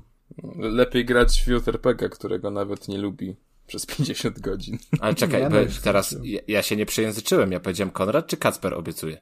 Konrad. A, to przepraszam, nie, no to, to ja, nie, no my graliśmy, to Kacper obiecuje, to, to zwykłe przejęzyczenie, no. O, no Ka i Kacper i obiecuje i, i ha, lepiej, lepiej w dziesięcioletnie Mario znowu grać na 3DS-ie. E, znaczy, ja e, od naszej rozmowy tak z półtora miesiąca temu co wieczór odpalam sobie Apexa i tak siedzę, no i tak sobie myślę, dobrze, no to poczekam dwie godzinki, może się do, do mnie koledzy odezwą. Tak, siedzisz i myślisz, może no się nie odezwą, może pogram chwilę, może się nie odezwą. A może my, Kasper, myślimy to samo, siedzimy, odpalamy sobie tego Apexa, siedzimy w menu i myślimy, może Kasper się do nas odezwie, no i się zagramy razem, obiecał. Ja jestem nieśmiałym chłopakiem, to musicie wy ten pierwszy krok Ja zrobić. po prostu siedzę i zgrywam niedostępnego. Dobra, kończąc temat newsów, bo, bo znowu nam to zajęło bardzo dużo czasu. Epic Games wykupiło twórców Fall Guysów, e, czyli studio... Kurwa. Studio kurwa. A to, czekaj, to polskie. To, to bardzo, bardzo zbliżone do studio Jojo. Dobra, cicho. Cicho. Cicho zrobię przejście. Mediatonic, e, które właściwie zrobiło chyba tylko Fall Guysy. E, I według mnie jest to bardzo dobry ruch ze strony Epiku, bo, bo w tej chwili są właścicielami dwóch wielkich marek, czyli i Fortnite'a, e, i Fall Guysów, także e, znaczy, czy, czy, czy to w tej chwili coś zmieni? Raczej nie. Ale myślę, że, że tak długoterminowo to była dobra decyzja ze strony Epiku i, i na pewno tego nie pożałuję. No dobrze, to tyle jeśli chodzi o newsy i tym właśnie akcentem oddaję głos Kubie, który jak co odcinek przedstawi nam trzy najciekawsze indyki, które nadejdą już wkrótce. To jeżeli chodzi o intyki, na ten epizod to przygotowałem trzy tytuły, standardowo dość. I pierwszym jest Blackchain, które na PC-tach ukaże się 18 marca. I jak zobaczyłem pierwsze materiały z tej gierki, to od razu zaświtało mi w głowie, że to jest e, pierwszy StarCraft. Gierka wygląda jak taki mm, standardowy, oldschoolowy RTS, gdzieś na jakichś planetach, mm, z tymi takimi futurystycznymi budynkami, machinami i tak dalej. Myślę, że to jest produkcja, którą każdy fan RTS-ów powinien się w jakimś stopniu zainteresować. Nie mówię, żeby od razu brać to na premierę, ale można chwilkę poczekać i zobaczyć, jak to zostanie przyjęte. Mm, szczególnie, że nie jest to tytuł duży, bo gierka jest robiona wyłącznie przez jednego, przez jednego gościa. Ale nie jest taki żółtodziób, bo już yy, ma swoją jedną produkcję na Steamie. Co prawda jest to gierka, która jest w Early Accessie póki co. Nazywa się Ram and Gun. Ma mało ocen, bo z tego co sprawdzałem wyłącznie 50, ale wszystkie są pozytywne na chwilę obecną, więc no coś tam się, coś tam się dzieje, ktoś ma pomysł na, na gry, które, które robi. Także to jest chyba tytuł, który z naszej trójki interesuje wyłącznie mnie, bo wy w, w strategię to chyba nie graliście i nie gracie. Znaczy, no nie. Grać grałem, żeby to był mój yy, jeden z moich ulubionych gatunków, no to raczej nie. E, natomiast faktycznie, jak na to patrzę, to wygląda jak StarCraft. E, tak, to jest od razu takie po prostu, tak myślisz, kurczę, podróbka StarCrafta. Mhm, mhm. Taki, mamy StarCrafta w domu, to może być coś takiego. I ja w sumie bym dodał, że yy, ta gra, jeżeli już słuchacie tego odcinka, to ona jest już dostępna, bo jej premiera miała miejsce 17 marca. A, to u mnie 18 marca. Poważnie? W Chinach jest później? Tak, to może premiera jest po prostu A, jakąś wieczorową porą. Tak, jest, no tak, no bo strefa czasowa, no u ciebie jest, jest wcześniej niż u nas. A, a dzisiaj mamy 9 marca, więc możecie się domyślać, jak długo schodzi się Konradowi z przygotowaniem kolejnych epizodów. Nie no, nie no 15 jest Kuba, kłamie. Ciekawi mnie, ile to będzie kosztować, bo tam jeszcze nie ma ceny. Ja bym stawiał, że to może kosztować gdzieś tak w okolicach 72 zł, bo wydaje mi się, że to jest taka cena, e, jeżeli chodzi o indyki, dosyć, dosyć standardowa. Te takie 7 dyszek. Rzadko kiedy to jest chyba powyżej stówki. No, nie wiem, czy, czy 7 dyszek. Nie, nie, no 7 dyszek za nowego indyka to nie jest dużo. Tak, tylko to, to z każdym indykiem jest tak, że za, za miesiąc on będzie za tam cztery dyszki. No to, to jest kwestia tego, jak bardzo jesteśmy cierpliwi. Yy, I no i jeżeli lubimy jakiegoś indyczego dewelopera, no to kupujemy też gry na premierę po to, żeby wspierać, tak? Drugą propozycją jest Fate of Kai, które na PC-tach ukaże się 19 marca i ma być to przygodówka w klimatach opowieści wizualnej. A takim głównym smaczkiem gry jest to, że y, rozgrywa się ona na kartach ilustrowanej książki, która, zgodzicie się ze mną, wygląda no przepięknie. No jak taka bajka, klasyczna bajka, coś ala Disney, y, coś w tym, coś w tym stylu. Nie jest to jakiś... Tak, właśnie sobie, właśnie sobie odpaliłem stronę tej gry na Steamie i powiem szczerze, że to wygląda naprawdę ładnie. Tak. Ten pomysł nie jest jakiś super oryginalny, bo nawet mieliśmy rodzimą produkcję w tych klimatach Liberated, i no tam to wyszło tak, jak wyszło. Troszkę to było inaczej, bo tam nas w pewnym momencie przenosiliśmy się po prostu do gry. To był taki interaktywny komiks. No ten też będzie interaktywny, ale w trochę inny sposób. No i Liberated było po prostu słabe i niedopracowane i wersja na Switcha miała też swoje problemy. Ale nie wydaje mi się, żeby w przypadku Fate of Kai coś się miało wydarzyć, no bo to jest to dość... Ta, ta oprawa wizualna jest ładna, ale prosta.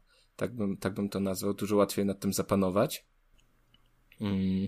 No i to ma być, co mają być zagadki, mają być jakieś proste łamigłówki, drobne wybory. Yy, kilka... No właśnie widzę, ale że to jest fajny motyw z tymi wyborami, bo jeśli podejmiesz jakąś decyzję, która ci się nie spodoba, to możesz cofnąć stronę książki e, i zdecydować inaczej. Bardzo tak, ciekawa tak, tak. mechanika. Tak. Tam taki chyba tym przykładem w trailerze jest to, że wyskakuje, atakuje nas jakiś potwór i możemy wybrać, czy tam uciekamy, czy, czy walczymy, czy się chowamy i w zależności od tego, co wybierzemy, na kolejnej kartce będzie inna, inna, inna historia, inaczej się historia potoczy, tak? I inna, inne obrazki dostaniemy. I sobie może... To trochę jak te interaktywne filmy na Netflixie. Jak na przykład był Kot w butach, taki pamiętam. Kot w butach był interaktywnym filmem? Był, był na stówę. Ja myślałem, że Bandersnatcha przy, przytoczysz, czy coś takiego głośniejszego. O kocie w butach pierwszy raz słyszę. A ten Black Mirror był taki... Nie, był zły, ale nie wiem, jakoś ta konwencja tych takich filmów interaktywnych mnie tak nie przekonuje na Netflixie. Wracając do Fate of Kai, wydaje mi się, że y, jest to, to może być fajna gierka, bo ona już zebrała dość sporo takich drobniejszych nagród branżowych. Oczywiście to są takie no, bardziej nominacje z jakiegoś konkursu w Brazylii, ale no, to o tej grze się mówi i komuś się ona podoba, tak? Yy, więc, więc myślę, że warto się tym zainteresować, szczególnie jeśli ktoś lubi takie przyjemne, lekkie przygodówki, w których można się po prostu bezstresowo zrelaksować. I trzecią propozycją jest Vampirem, które ukaże się 24 marca też na PC-tach i wyłącznie we wczesnym dostępie. Tylko to ma być wczesny dostęp taki, no, to nie można nigdy twórcom wierzyć na słowo, ale to niejednokrotnie zostało udowodnione, że te wczesne dostępy się przyciągają bez końca. Ale tutaj twórcy mówią o 3-4 miesiącach dodatkowych prac, a sam wczesny dostęp ma być bardziej y, testami na wyłapywanie błędów, bugów, i dodanie odrobiny więcej zawartości. I Vampirem ma być mrocznym hack and slashem w klimatach wampirów, jak łatwo się domyśleć. E, ma być akcja, ma być ciachanie, ma być krojenie i zapowiada się ciekawie, chociaż patrząc na materiały z tej gry można mieć można mieć mieszane uczucia, bo ona wygląda tak jakoś trochę, trochę sztywno. Topornie, właśnie to chciałem powiedzieć, że to wygląda całkiem ciekawie, ale gdzieś jest to takie ciężkie w odbiorze, mam wrażenie. Z hack slashami robionymi na budżecie jest ten problem, że mm, bardzo często, tak jak mówicie, ten, ten, ten model walki jest dosyć sztywny. Jakby twórcy nie potrafią y, go odpowiednio zaprogramować, wyczuć.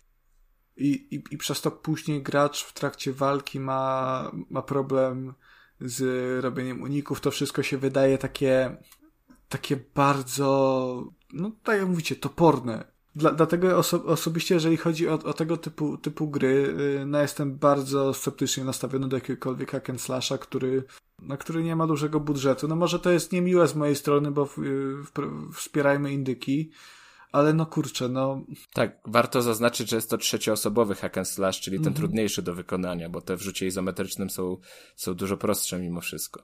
O, no, no tak, jeszcze jak jest pixel art.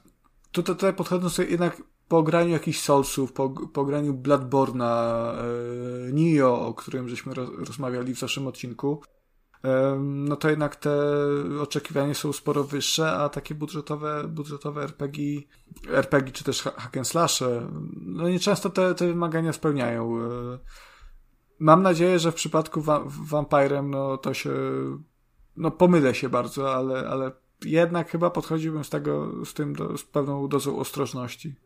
Ja, ja bym chciał się pomylić, ale tak czuję w kościach, czuję w kościach z doświadczenia, wiem, że to się może skończyć tak, jak się może skończyć, że, że to będzie po prostu yy, słaby tytuł bez pomysłu i, i z powtarzalnym gameplayem, który się będzie ciągnął przez, przez zbyt wiele godzin. To chyba tyle, jeśli chodzi o, o ciekawe indyki. Znaczy jest więcej ciekawych indyków oczywiście, ale, ale te są takie, o których na pewno nie słyszeliście. Takie najciekawsze. Takie takie... Tłuste indyczki dorodne Wiesz, no, takie. No, no o tym, y, co, o tej gierce, która ostatnio robi furorę i bardzo dużej na Twitterze, czyli Hero Loop. Loop Hero. Tak, to, to, Loop Heroes, sorry. Y, to wszyscy, to wszyscy słyszeli, wszyscy wiedzą. A myślę, że o tych grach będzie, będzie bardzo, bardzo cicho, a może któraś się okazać taką mini, mini perełką. Największe nadzieje pokładam jednak w tym Fate of Kai. No to jest chyba taki największy pewniak z tego zestawienia. Mi się wydaje, że to ma największe szanse na sukces. Pomimo tego, że w teorii jest chyba najmniej wymagające w ogóle. Ale mnie osobiście też najbardziej to zaciekawiło. To zawsze jest, ten segment indykowy jest bardzo fajny, bo, bo ty nam nie zdradzasz y, przed nagraniem, co przygotowałeś, więc ja odkrywam te gry na nowo z tobą, nie? Pierwszy raz. Dlatego też zawsze, zawsze na to, na to można fajnie, fajnie spojrzeć. E, przechodząc dalej, e, chciałbym chwilkę się skupić na grze Pumpkin Jack, przede wszystkim bardzo dziękuję wydawcy Head Up Games za udostępnienie nam kodu do produkcji. E, ja grałem w grę na, na PS4 e, i wersja na, na, na Playaka e, miała premierę 24 lutego, a w październiku zeszłego roku gra się pojawiła na PC-tach, na Xboxie i na Switchu. Pumpkin Jack to jest strasznie ciekawa gra. Przede wszystkim zacznę od tego, że zrobiłem całą grę tylko jed, jedna, jedna osoba. Za, za Pumpkin Jack odpowiedzialny jest Nicholas Masonir i szczerze naprawdę chylę czoła, bo jest to topka gier zrobionych przez jedną osobę. Naprawdę grając w to w ogóle nie odczułem, że, że na, na, na tym mogę pracować tylko, tylko jedna osoba. E, ostatni raz taki zachwyt miałem przy Stardew Valley, ale to jednak jest gra troszeczkę e, innego kalibru. E, w każdym razie mówię, wielki szacunek. Wiesz, mm, Stardew Valley to jest, to jest jedna gra w pixelarcie, nie? To jest jak, jakiś taki tak, se tak, segment, tak, segment mówię, gier, które... In, inny kaliber. No dlatego ja jestem zajebiście zaskoczony teraz, że Pumpkin Jack yy, jest robiony przez jedną osobę. Przecież to jest, to jest ładna, trójwymiarowa gra. Tak, e, ta gra jest bardzo inspirowana przede wszystkim Medievalem z PlayStation 1. Um, i to widać, i to czuć, ale w bardzo dobrym tego, tego słowa znaczeniu. E, szczerze powiem, że naprawdę przy tej grze bawiłem się świetnie. Ciekawy w ogóle jest zamysł fabularny, e, ponieważ y, fabuła odbywa się w, w Królestwie Nudy. Tak, tak się nazywa miejsce, w którym y, przeżywamy swoją przygodę. E, jest to y, kraina, gdzie wszystko jest ok, wszystko jest świetnie, nic się tam złego nie dzieje. Mm, no ale właśnie przez to, że nic się nie dzieje, jest zwyczajnie nudno. E, no i diabeł, który stwierdził, że już, już ma dość tej nudy i tego spokoju, stwierdził, że ześle klątwę na, na, na tę krainę i przy tym pojawiło się mnóstwo stworów, e, które chodziły po ziemi i dręczyły ludzi. Mm, długo nie trzeba było czekać, ponieważ e, ludzie postanowili przyzwać e, super czarodzieja, który miał temu zaprzestać i, i sprawić, żeby znów wszystko wróciło do normy. I wtedy wchodzimy my, czyli Pumpkin Jack, cały na pomarańczowo, e, który jest wysłannikiem diabła i ma za zadanie pokonać tego czarodzieja e, i dopilnować tego, żeby wszyscy dobrzy e, zginęli i żeby cały czas toczył się chaos na tej ziemi. I to jest w ogóle, e, samo to mi się strasznie podoba, e, bo nie, nie pamiętam, kiedy ostatni raz było tak, że wcielaliśmy się w e, antagonistę tak naprawdę, e, w, w złego bohatera, e, a w Pumpkin Jacku jest to wszystko jeszcze okraszone takim humorem, że naprawdę szczerze powiem, że, że raz, że grało mi się w to bardzo przyjemnie, to pomimo tego, że, że dialogi to jest właściwie przeklikiwanie się przez tekst, to uśmiałem się niejednokrotnie. Ty, ty grałeś pierwszego w ogóle w serię Medieval? E, tak, znaczy, jak, wiesz co, ja grałem kiedyś na PSX-ie przez chwilkę, e, ale to nie było długo, ale grałem też w ten remake na, na PS4. No to to jest wystarczające, bo jestem ciekaw, yy, bo to, że to wygląda jak Pumpkin, tfu, yy, że Pumpkin Jack wygląda jak yy, Medieval, no to widać na pierwszy rzut oka. Jestem ciekawy, jak, jak jest praktycznie, że to, to jest faktycznie taki nowoczesny medieval? E, wiesz co, można tak powiedzieć. Na pewno jest to produkcja najbliższa e, to, to bez dwóch zdań. E, jedyna e, właśnie taki zarzut, który mam do Pumpkin Jacka, e, natomiast, no, zarzut. E, w niektórych momentach czuć, że faktycznie e, nad tą grą pracował jeden koleś. Chodzi mi o to, że Mm, szczególnie w momentach e, platformowych, których jest całkiem sporo, e, podczas skoków w ogóle nie czuję pewności. Jakby chodzi mi o to, że mm, ciężko mi jest e, okie, okiełznać, czy skacząc przeskoczę na, na, na tą kolejną platformę, na którą chcę przeskoczyć, czy się z niej ześlizgnę, czy nie. E, Jack też w żaden sposób się nie przyczepia do, tej, do tego podłoża, że tak powiem. E, trochę tutaj mi, mi brakuje takiego y, dopracowania, e, co w Medievalu akurat się zgadzało. No ale to też mówię, no to jest całkowicie też, trzeba na to patrzeć pod innymi kategoriami, no bo jakby nie było, nad Medievalem pracował cały zespół, tutaj tylko jeden facet. Także to jest, to jest całkowicie coś innego. Bardzo mi się podoba mroczny klimat e, tej gry. Bardzo mi się podoba muzyka, jaka towarzyszy nam podczas rozgrywki. E, świetnym w ogóle elementem jest też to, mm, że cały, cała gra składa się z sześciu światów. Fajne jest to, że każdy świat kończy się bossem i na każdym świecie dostajemy nową broń do dyspozycji. Przez e, zwykłą łopatę, potem po shotguna, e, albo jakąś kulę, którą, dzięki której w ogóle lewitujemy i ona ma jakieś tam magiczne moce. Mm, jest to wszystko bardzo zróżnicowane i bardzo mi się podoba to, że e, gdzieś tak w 3 czwarte każdego poziomu e, jest taki motyw, że kurczę, jak to dokładnie określić. Albo na przykład jedziemy wagonikiem po rozwalonych torach i musimy odpowiednio balansować masą, znaczy odpowiednio balansować w prawo i w lewo, żeby nie spaść z tych torów, musimy podskakiwać. Dalej na przykład e, jesteśmy ciągnięci przez gargulca i musimy kontrolować wysokość, żeby się nie rozwalić. E, i, I jeszcze innym razem e, jedziemy na lewitującym koniu. I jeszcze innym razem e, wyścigujemy się na takich starych gokartach rodem ze średniowiecza z jakimiś e, żołnierzami. Ta gra ma w sobie tak mnóstwo motywów. Naprawdę, szczerze powiem, że kurczę, aż żałuję, że, że wczytałem się w, w to, e, kto tę grę zrobił przed jej przejściem, bo myślę, że po doświadczeniu całości, jakbym się dowiedział, że to naprawdę zrobiła tylko jedna osoba, to bym po prostu. No wow, naprawdę wow. Już to samo, jak ta gra wygląda, no, sprawia takie wrażenie jednak produkcji robionej przez e, przynajmniej małe studio, ale jeżeli mówi, że e, zawarto w niej takie ilości różnych mechanik i jeżeli one są faktycznie zrobione dobrze, że, że, że to nie jest tak, że one są robione po łebka, no to mega szacun. To jest właśnie, to jest, mnie też to dziwi, stary, ale to jest zrobione bardzo dobrze. Naprawdę, e, samo to każdy level ma mnóstwo znajdziek, e, bo w, w, każdym poziomie masz 20 e, czaszek kruczych, które są naprawdę fajnie poukrywane. I jak je znajdziesz, to, to możesz kupywać za nie nowe stroje dla Jacka ale w każdym poziomie jest bardziej ukryty jeden gramofon. Jeśli go znajdziesz, to, to Jack bardzo ci ładnie zatańczy, taki Fortnite dance zrobi, nie? Przy tym gramofonie. Ale to jest, to jest naprawdę świetna sprawa. Ale to jest taka typ, ty, typowa znajdźka, że jest ukryty, nie wiem, gdzieś w jakiejś jaskini Yy, czy, czy, to, czy to, tam się wiąże z tym jakaś łamigłówka? Czy coś trzeba wykonać, żeby to nie, znaleźć? Nie, nie, to po prostu mu, nie, nie, nie, to po prostu musisz znaleźć. W każdym razie, jak te e, krótsze czaszki są po prostu porozrzucone po mapie. Po, po, nie, nie, po takich mniej oczywistych miejscach, ale jesteś w stanie je bez kłopotu znaleźć. No tak powiem ci, że te gramofony na, na sześć światów to odnalazłem tylko dwa. Tak sam z siebie. Znaczy to są takie bardziej otwarte mapy, tak? E, tak, tak, tak, tak. To nie jest otwarty świat w żadnym wypadku, ale tam masz naprawdę sporą swobodę, jeśli o to chodzi. A na przykład e, powiedzmy, była, była jeden taki segment, że gra rzucała ci na wielki cmentarz z kapliczką na środku e, i ten cmentarz miał jakby takich pięć odnóg, nie? Takich alejek dalej. Mhm.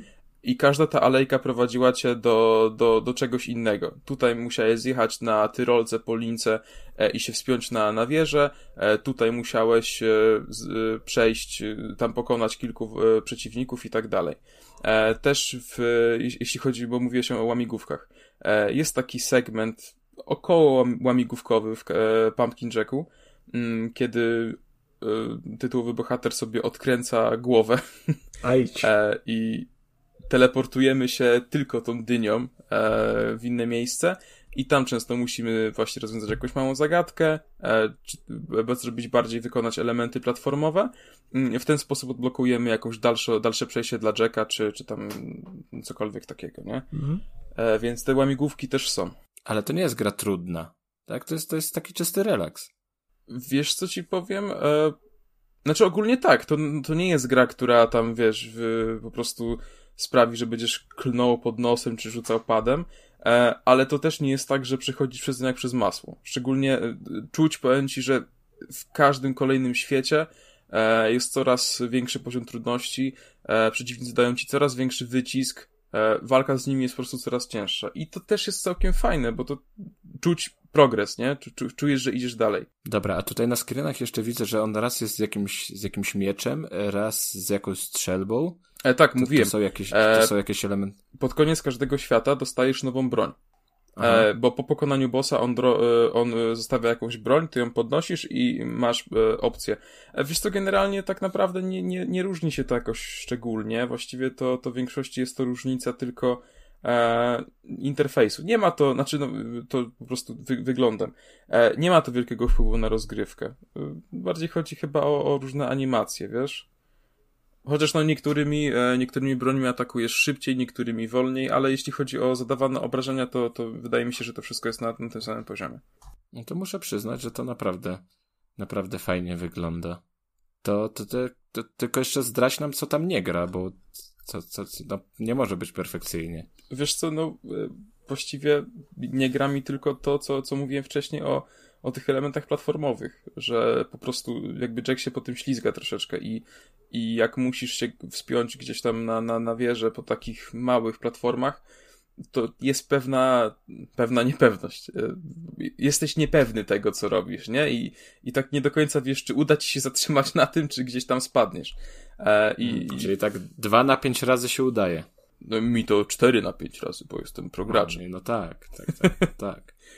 E, nie, w sensie naprawdę, ja powiem wam tak, jak się za tą grę zabierałem, za tę grę się zabierałem, to mm, troszeczkę się bałem, bo y, generalnie wszystkie te takie, o, bo to jest inspirowane Midievilem i tak dalej, to generalnie nie wychodzi dobrze. Ale Pumpkin Jack wyszedł naprawdę dobrze. Jedyne, co, co mogłoby się zmienić, to to, żeby dialogi były jakieś tam lepsze z profesjonalnymi aktorami głosowymi. Natomiast mówię, no, e, na, na, na, na tę grę też trzeba patrzeć pod troszeczkę innym względem przez to, że ją robił jeden facet. No to mówię, to nie było studio, nie? To, to inna sprawa, więc szczerze powiem, że jak na to, powtarzam się cały czas, ale jak na to, że za tę grę odpowiedzialna jest jedna osoba, to jest to majstersztyk. Naprawdę. No ale chyba nawet w każdym innym kontekście to będzie po prostu dobra gra, nie? To, to jest bardzo dobra gra i naprawdę warto, tym bardziej, że ona w ogóle jest bardzo często na e-shopie w promocji. E, na PC widzę, że kosztuje około stówkę na Gogu. Warto, naprawdę warto. To jest. Y, gra nie jest długa.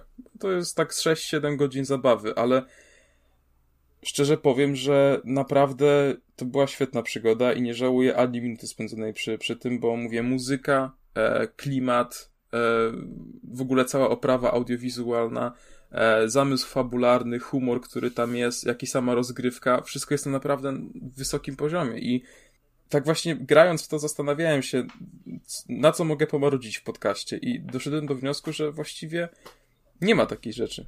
Musiałbym się autentycznie czepiać. Ta, ta gra ma w sobie wszystko. Masz znajdźki, masz różne mechaniki, masz różnych przeciwników, którzy e, zadają różne obrażenia na różnych dystansach, masz ciekawych bossów, naprawdę, no, tam, tam wszystko się zgadza. Dlatego naprawdę, panie Nikolasie Masonir, szapoba, chylę czoła, jestem naprawdę pod wrażeniem i e, w ogóle to jest ciekawe, bo, bo, bo tego mężczyzny nie mogłem znaleźć na żadnych socjalkach. Na Twitterze, na Instagramie, nigdzie go nie mogłem znaleźć, a bardzo żałuję, bo na pewno e, obok e, głównie Edmunda Macmillana będzie to kolejna osoba z świata indyków, takich bardziej gier niezależnych, które będę, będę śledził, bo naprawdę no Pumpkin Jackiem mnie zachwycił i jestem pod wielkim, wielkim, wielkim wrażeniem. To jeszcze jaki taki, jako taki off-top o produkcjach tworzonych przez jedną osobę. Grałeś w Pony Island? Nie. Ja grałem. Tak, to, to też to jest jeden z tych twórców, który powinien trafić na twoją listę. Pan, pan Daniel Mullins, tak to się chyba wymawia. E, i on już ma na swoim koncie dwie gry. Mm, Pony Island i The Hex i obie, obie kocham. Także powinieneś sobie sprawdzić. Ja w ogóle uważam, że powinna być jakaś osobna kategoria e, na, na The Game Awards i na w ogóle wszystkich takich e, jakichś galach, że, żeby doceniać właśnie gry robione przez jedną osobę. Bo mówię, no szczerze, jak nie uwierzyłbym nigdy w życiu, że, że Pumpkin Jack to jest y, dzieło tylko, tylko, tylko jednej osoby, bo to mi wygląda na to, co Konrad mówił. Może niewielki zespół, ale na, na zespół co najmniej. No ale przecież masz na tych różnych Game Awardsach masz kategorię y, gry indie roku, nie? Także to od tego jest ta kategoria. No, no tak. Ale, ale to... gadali, gadaliśmy już o tym ostatnio, że indie, indie nierówne. No właśnie, no właśnie. No tak, tylko że w przypadku Pumpkin Jacka, no on to, to jest taki chyba true indie jednak, nie? On, on może nie wyglądać, ale, ale to, to jest true indie. No, no zwłaszcza, że był robiony przez jedną osobę, więc to, to nie jest tak, że się zabrało za to studio, jak w przypadku Hellblade'a, że to robiło Ninja Theory, e, które jest jednak no, trochę bogatszym studiem, więc sobie może pozwolić, no, no to chłop zrobił, nie wiem, w piwnicy. I z tego wyszła. No tak, ale, ale wydawca jest zewnętrzny, panie Konradzie. Wydawca, wydawca jest całkiem spory, bo, bo jest to firma Head Up, tak. która no, no na zaj zajmuje się, Games. Zajmuje się, zajmuje się wydawaniem indyków. Także to nie jest taki indyk czystej krwi. A, wszystko ci zepsułem, co? Cały misterny Kurczę, plan. wpadka. Nie, no ja sobie już Pumpkin Jacka dodałem do swojej listy życzeń i y, czekam na, na, na, na jakąś większą, mniejszą obniżkę i chyba sprawdzę, no bo mnie zaintrygowałeś. Naprawdę warto, naprawdę nie, nie pożałujecie.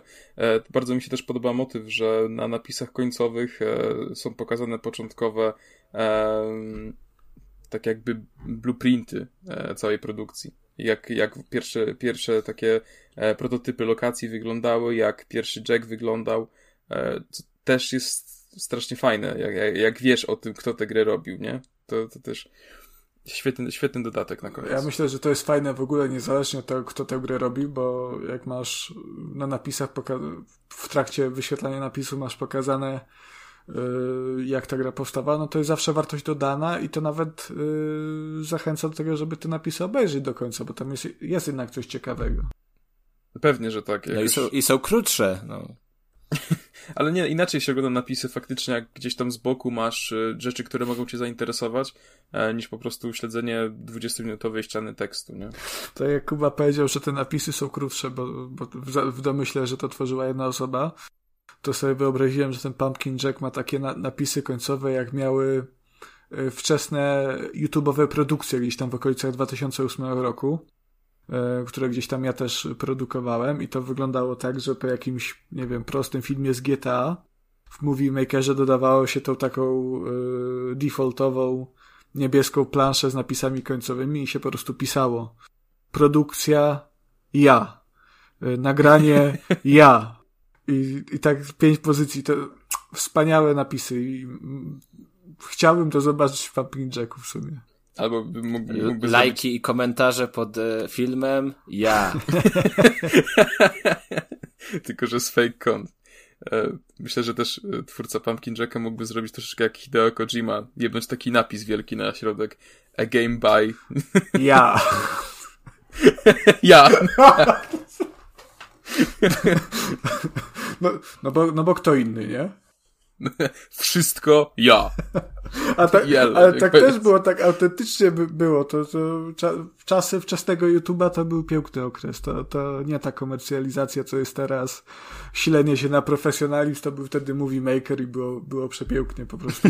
Rozdzielczość 240p. Dobrze, dobrze, że my się nie silimy na profesjonalizm na naszym YouTube'owym kanale. Tam jest, jest po staremu. Ja, ja nie zapomnę właśnie, jak ty mówisz lata 2008, jak królowały te przeróbki z GTA San Andreas z Iwoną, nie? To po prostu, to były, te, to, to było dużo śmieszniejsze niż polskie kabarety. I... Ale, ale ta Iwona, bo to, Iwona to była złoto, bo ta Iwona to jeszcze, jeszcze smaczek był z tą Iwoną, nie? Bo y, większość osób produku, produkujących te przeróbki nie miała pełnej wersji Iwony, tylko miała tego triala i trial y, nie wymawiał polskich znaków. Więc te, jak, jak miałeś U zamknięte, to to, to to czytało jako O. I to taka fajna charakterystyka tego było. I to wydaje mi się, tak, że to tak, się przejawia tak. we wszystkich Gothic Prawdziwa Historia, klasyka polecam. Zresztą um, alternatywna kontynuacja Gala Anonima też, ale jakieś te e, Władca Pierścieni idziemy expić, no błagam, kurde, wspaniałe rzeczy. Trochę żałuję, wiesz, bo mi się czasami włącza taki stary dziad i, i tak sobie siedzę, patrzę w te YouTube i sobie myślę, kurwa, kiedyś to było. YouTube były fajne, niezależne i to się super oglądało. E, to nic, że tam e, jakość produkcji to, to sięgała dna po prostu, ale, ale no, no fajne było. Miało się wtedy z 10 lat i się oglądało. No miało, mia, miało to swój klimat. Teraz możesz robić to samo, tylko musisz dodać hashtag old school i będzie, będzie wow. Nie, no już teraz to jest to tak, tak nie, nie, nie jest łatwo. Teraz fajne przeróbki ro, robią. Y, świetna jest przeróbka y, Kiepskie Dreas, jeżeli chodzi o GTA. Albo z Najmanem. Nowa. Ja, się, ja, ja jak słyszę te tytuły, to... Kiepskie teraz. Bo, bo wiesz, że tam w ogóle ten ca cały ten konflikt Najmana ze Stanowskim yy, zaadaptowali na, na San Andreas, nie? Z modelami postaci ze wszystkim. Bardzo polecam. Super. Nie pamiętam autora niestety. Nie wiedziałem, że też było w Gotiku. Yy, też w ogóle Go Gothic Bot teraz, nie? To, to też jest super. Yy, super przeróbki są. Nie jest to Iwona, ale dalej fajne. Gdzieś ostatnio w GTA, e, w GTA zrobione chyba widziałem ten akcję z instrybutorem odtworzoną. Była. No dobra, ale mamy jeszcze jeden e, powód, żeby podziękować wydawcy Head Up Games, bo dostarczyli nam klucz do jeszcze jednej gry, którą miałem przyjemność recenzować. A mowa tutaj o Cardaklizm. O, chyba po raz pierwszy udało mi się poprawnie wymówić tytuł tej gry, bo, bo jest to takie połączenie kart i apokalipsy. Yy, I tak z tego taki jest miks. Jest to karcianka Także panowie chyba nie są zainteresowani. No średnio przypada. No, ja raczej nie. Ja lubię z wami pracować, bo po prostu... Ale posłucham, tytuły, posłucham. Takie, takie tytuły zawsze wpadają na moje konto. Nawet, nawet się nie trzeba bić. I mamy tutaj do czynienia z taką drobną karcianką, która wygląda bardzo, bardzo, bardzo ładnie. Jest taka, taka plastyczna. Nie wiem, nie wiem, może by troszkę to podciągnął pod e, low poly, e, ten styl graficzny ale jest bardzo, bardzo ładnie. I sama gra, moja przygoda z grą to były takie wzloty i upadki. Bo, bo zaczęło się bardzo nieprzyjemnie. Zaczęło się po prostu tak, że te pierwsze dwie, trzy godziny to, to grałem, klikałem, wszystko się samo przechodziło. Nie trzeba się było ani męczyć nad, nad stworzeniem jakiejś sensownej talii, ani nad e, dostosowaniem swojej taktyki pod przeciwnika. Po prostu to się samo grało.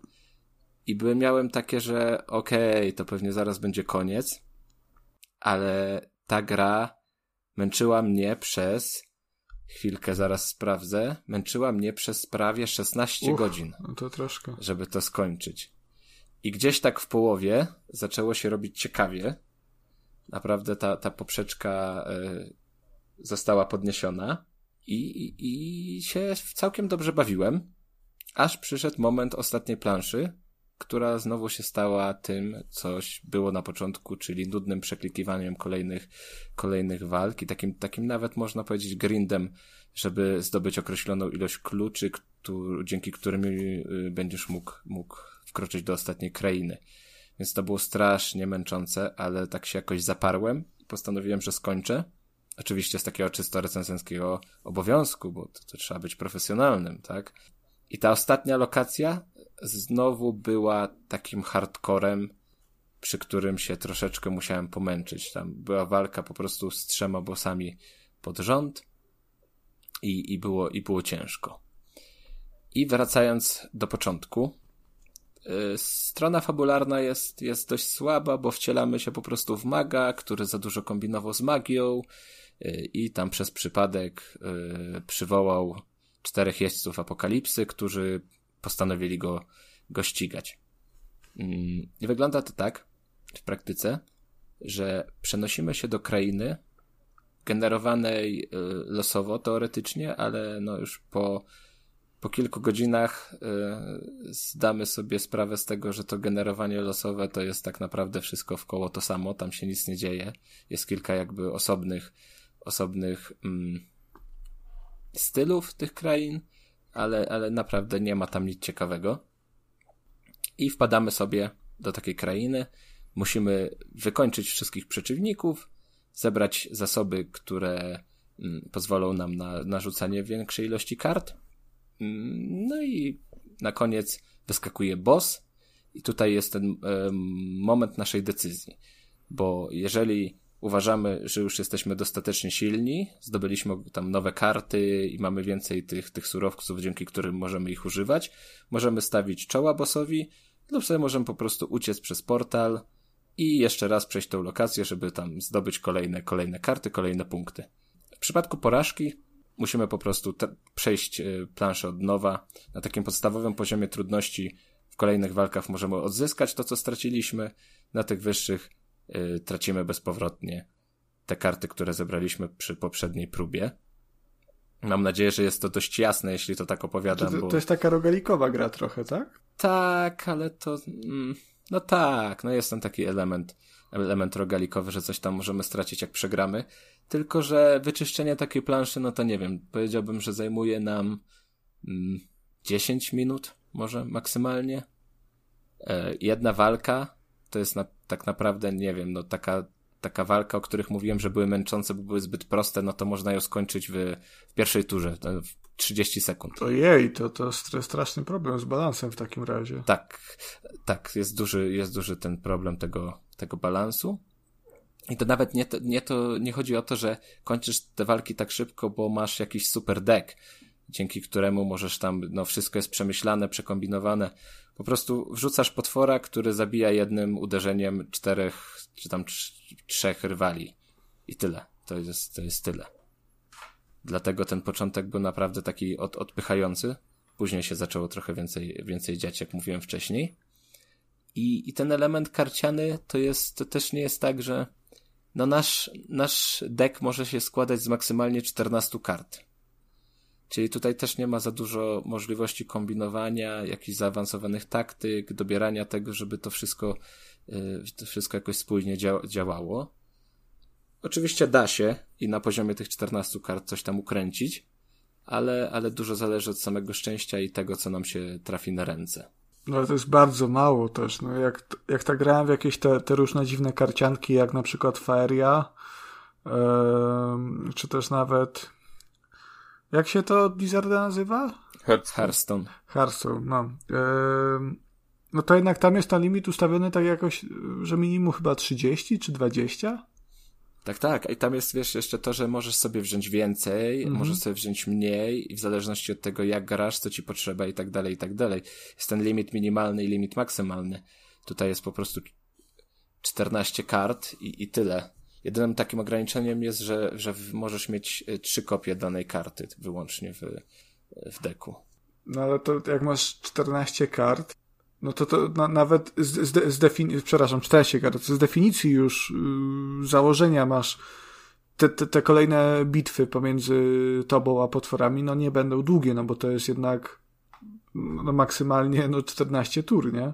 Yy, masz cztery karty na ręce cztery karty na ręce, yy, no i ci dochodzą brakujące karty co turę, tak? Wykorzystasz dwie, w następnej turze dobierzesz dwie, ale przez to, że ten, yy, te zasoby są ograniczone, to tak naprawdę jesteś w stanie zagrać, no, no nie wiem, na, na początkowym etapie 3-4 karty maksymalnie. Dlatego ta, ta ręka jest tak ważna, co ci siądzie na, na rękę. Ale możesz sobie odrzucić karty na początku, czy tak, nie? Tak, tak, możesz sobie, możesz sobie zrobić jedną podmiankę. Ale tak jak mówiłem, jeżeli trafisz jakąś tam legendarną kartę super silnego potwora, no to wystarczy, że on ci siądzie na rękę startową, po prostu za wszystkie zas zasoby wyrzucasz go na planszę i już, już wygrałeś teoretycznie. Także jest ten problem z balansem, o czym, o czym mówiłeś i co zauważyłeś.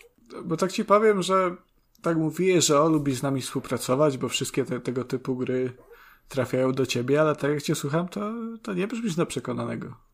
Znaczy nie, no to mi się podobało, podobał mi się ten środek, bo tam było takie mięsko. I, i, i, było, i było fajnie, wciągnąłem się, y, dało się trochę pokombinować z tym, no za dużo było tego grindu, trochę tak niepotrzebnie, niepotrzebnie to wszystko było przeciągnięte, dlatego taki niesmak trochę po tym wszystkim pozostał. No ile, ile, ile do... ci zajęło dotarcie do tego mięska? Mm, powiedziałbym, że tak, no z 5-6 godzin. No to kurde, to jest problem, no bo jeżeli musisz się przemęczyć przez 5-6 godzin yy, no nijakiej, bardzo prostej, powtarzanej walki, no to to jednak zniechęca.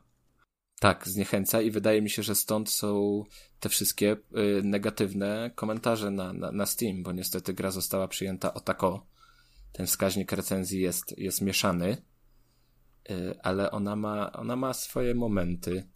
I, I jakby było fatalnie, no mogę ci powiedzieć, że jakby było bardzo fatalnie, to bym po prostu nie skończył, bo bym no za bardzo szanuję swój czas, mm, żeby tyle godzin poświęcić bardzo złej grze. Ale coś tam, coś tam mi się udało trochę, trochę zabawy i trochę frajdy z tego kardaklizm zaczerpnąć. Takie pytanie ode mnie jako od, od całkowitego laika karcianego, który jedynie w co grał, to, to, to w Hearthstone na 3 godziny na, na, na telefonie. Myślałem, że w wojnę. Po, po dziesiątce jest walet, Kacper, tak. nie, nie o to mi chodzi. Bo no, ja totalnie, totalnie się nie znam na, na grach tego, tego gatunku, e, ale w Hearthstone na mnie wielkie wrażenie zrobiły animacje, bo jak na karciankę to to wszystko wyglądało świetnie. Czy, czy e, w, w, no, czy, czy w tej twojej grze e, też są takie ładne animacje, czy, czy, czy... Znaczy, ona wygląda bardzo ładnie i animacje są ładne. No to fantazy tutaj jest takie dość proste, bo to są jakieś tam diaboły z rogami, centaury, gnole, no to jest wszystko takie e, schematycznie oklepane, e, ale no to przyjemnie wygląda.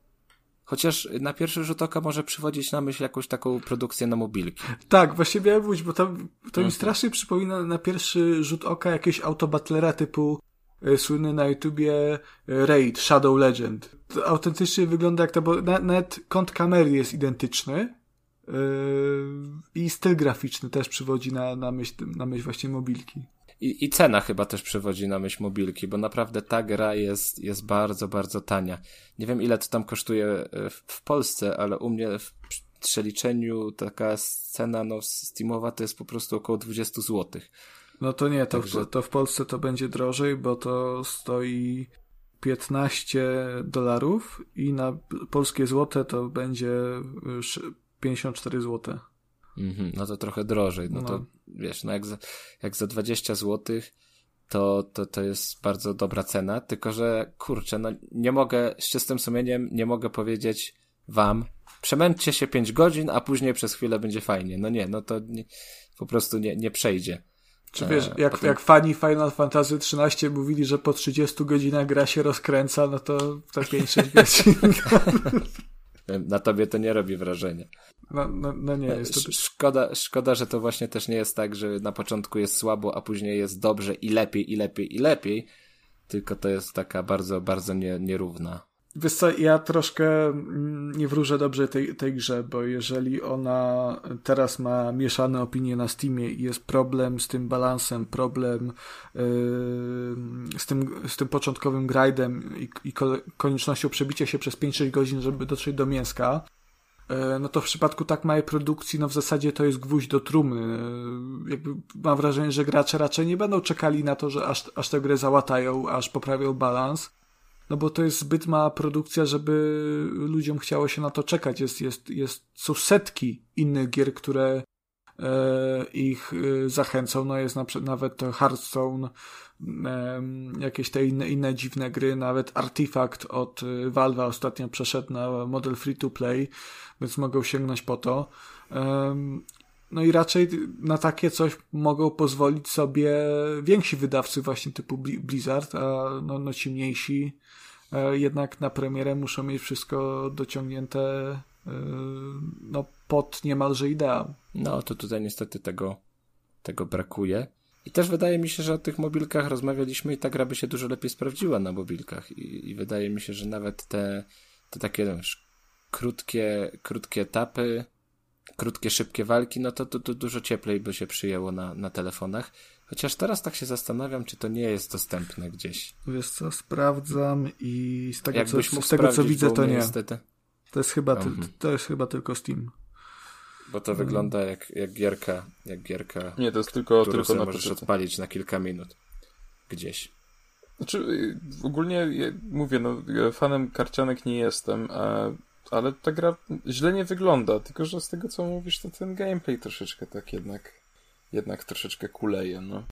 Bo wygląda całkiem intrygująco, ale wiesz co, faktycznie, może też inaczej by się do tej gry podchodziło, jakbyś sobie mógł odpalić to na telefonie gdzieś tam, czy nawet powiedzmy na Switchu, a, niż jak masz siadać do, do PC-ta już na takie, wiesz, duże granie i, i, i odpalasz coś takiego. To też mi się wydaje, że to, to też może e, wpływać na odbiór.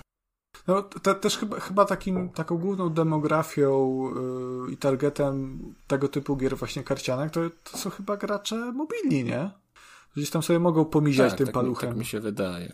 Raczej tak. W ogóle swoją drogą trochę mnie dziwi wydawanie w tej chwili e, karcianki tylko na, na PC-ty, bo no tak jak mówicie właśnie, na smartfony czy na Switcha to, to mi się wydaje, że to byłaby decyzja całkiem oczywista i, i mówię, by, uważam, że to też by wpłynęło na odbiór tej gry. Zresztą tam twórcy się starali zaimplementować kilka dodatkowych elementów, co też wyszło e, raczej, raczej słabo.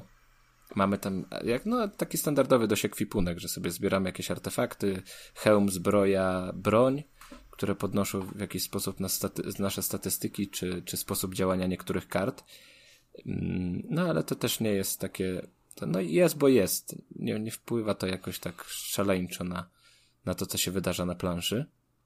To jest taka jedna sprawa, ale to jest akurat to, to, to, to, to z tych ciekawszych, bo na przykład nie wiem, kto wpadł na ten pomysł i dlaczego. E, za, no, w każdej planszy zbieramy określoną ilość kluczy i jak sobie tych kluczów zbieramy e, pięć, to możemy sobie otworzyć portal do specjalnej krainy, w której możemy zdobyć jeszcze lepsze łupy i jeszcze więcej łupów. I tam za, zostały mm, zaimplementowane pułapki. I pułapka polega tylko na tym, polegają, że nie można w nie wejść. One się po prostu wysuwają, chowają i w momencie chowania my musimy nacisnąć strzałkę albo kliknąć myszką, żeby ten bohater przebiegł przez tą pułapkę. I to jest, to jest tak fatalne, to jest tak bez sensu, to jest tak niepotrzebne, że, że nie wiem w ogóle po co to.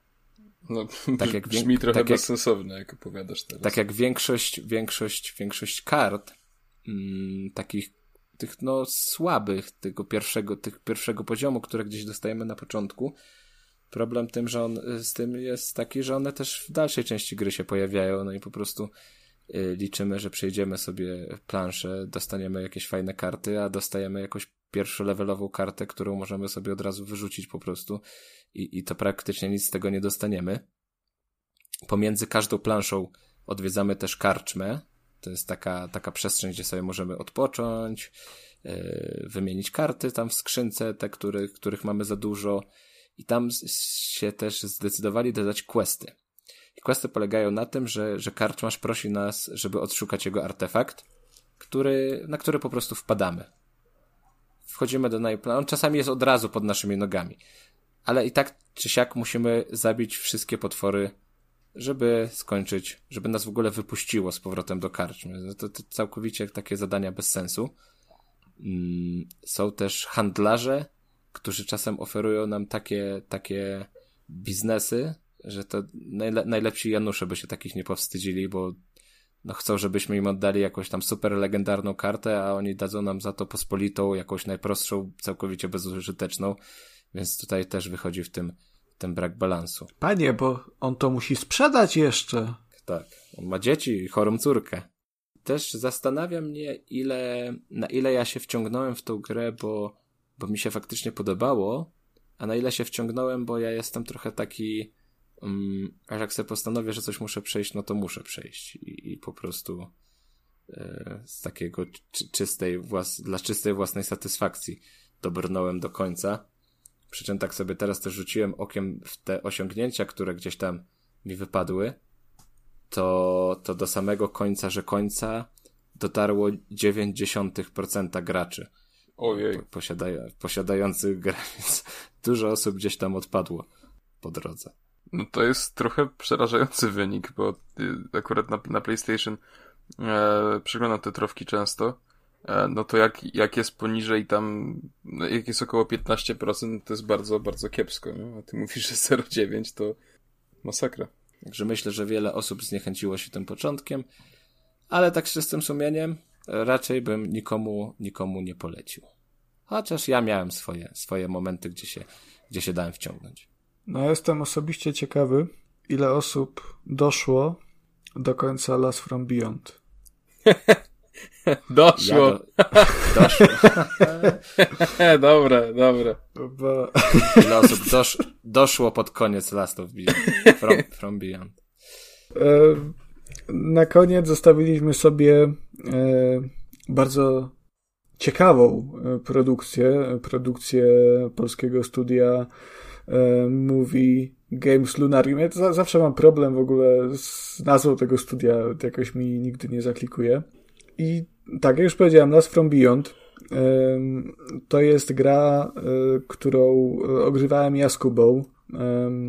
Także, no, i, to jest też razem, gra... Razem przy jednym komputerze, tak? Tak, razem dochodziliśmy do końca, wspólnie. I to jest gra, y, przy ja której pierdolę. chciałbym Kacperka zaprosić. Chodź Kasperku, zapraszam na Morenkę. O, o. Sweet Night, po angielsku Słodka Noc. Bo tak absolutnie spłycając, to jest Pietrek, gra, którą... Pietrek Kogucik? Tak. Naj, najlep, naj, najlepszy po prostu, najlepszy crossover w historii polskich podcastów. To, to, to, pozwala sobie na żarty, ale to jest gra, którą jak się widzi yy, po raz pierwszy, to absolutnie można to podsumować jako ry, u, chy, a, ni i e. bo... Seks. Tak, bo... tyłu. bo... A co mi się śmieszki trafiły?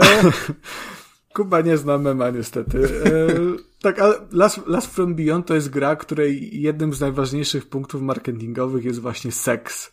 E, jest, jest właśnie ludzka seksualność, bo to jest gra, e, w której przychodzi nam poznać e, działanie kultu rozkoszy, e, który mm, praktykuje rytualny seks, którego e, nadrzędnym celem jest osiągnięcie wiecznej ekstazy ku uciesze swoich bogów, prawda?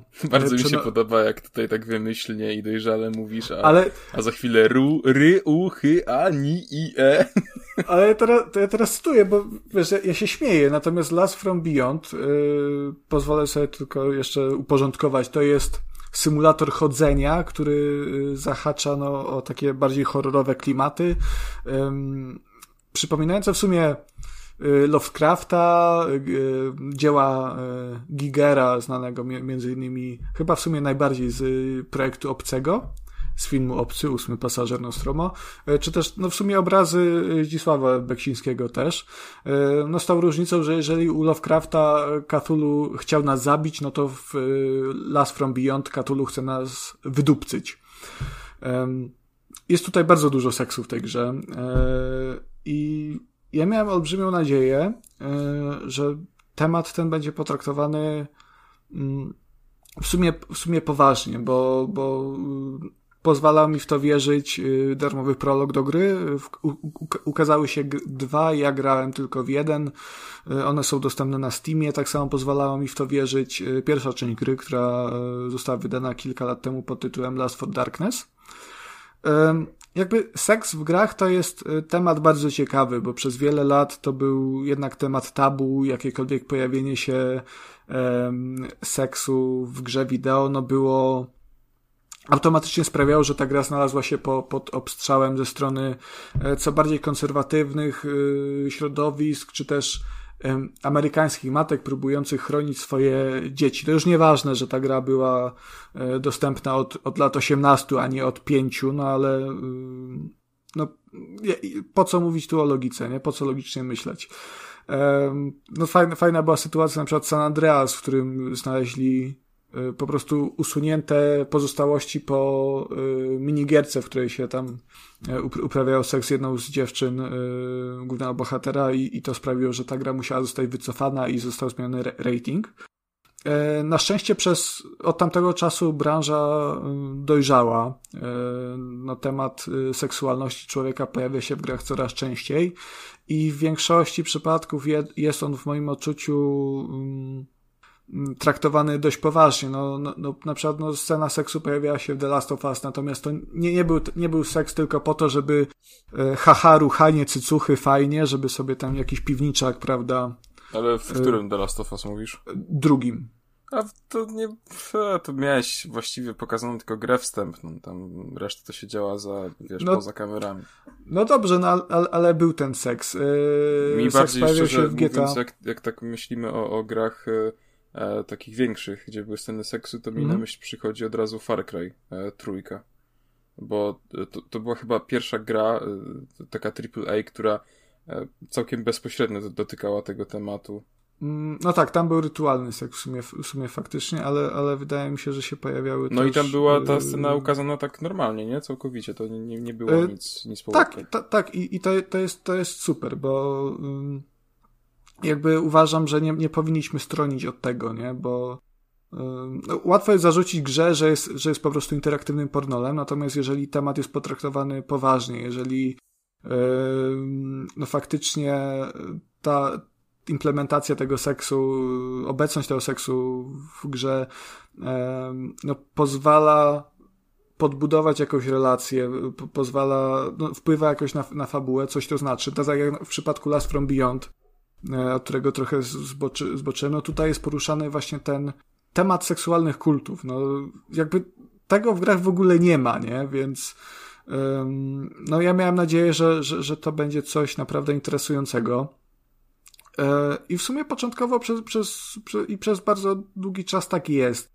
E, wciela, wcielamy się tutaj w Wiktora Hollowaya, e, antykwariusza, który cierpi na takie bardzo dziwne wizje. W trakcie seksualnych uniesień no, trafia on myślami, czy też może w jakiś sposób fizycznie do innego wymiaru. Ten wymiar nazywa się Lustga, czy też Kraina Rozkoszy. Mm, no i właśnie tam jest najwięcej tych elementów takich, takich A.k.a. Morenka. Albo Morenka.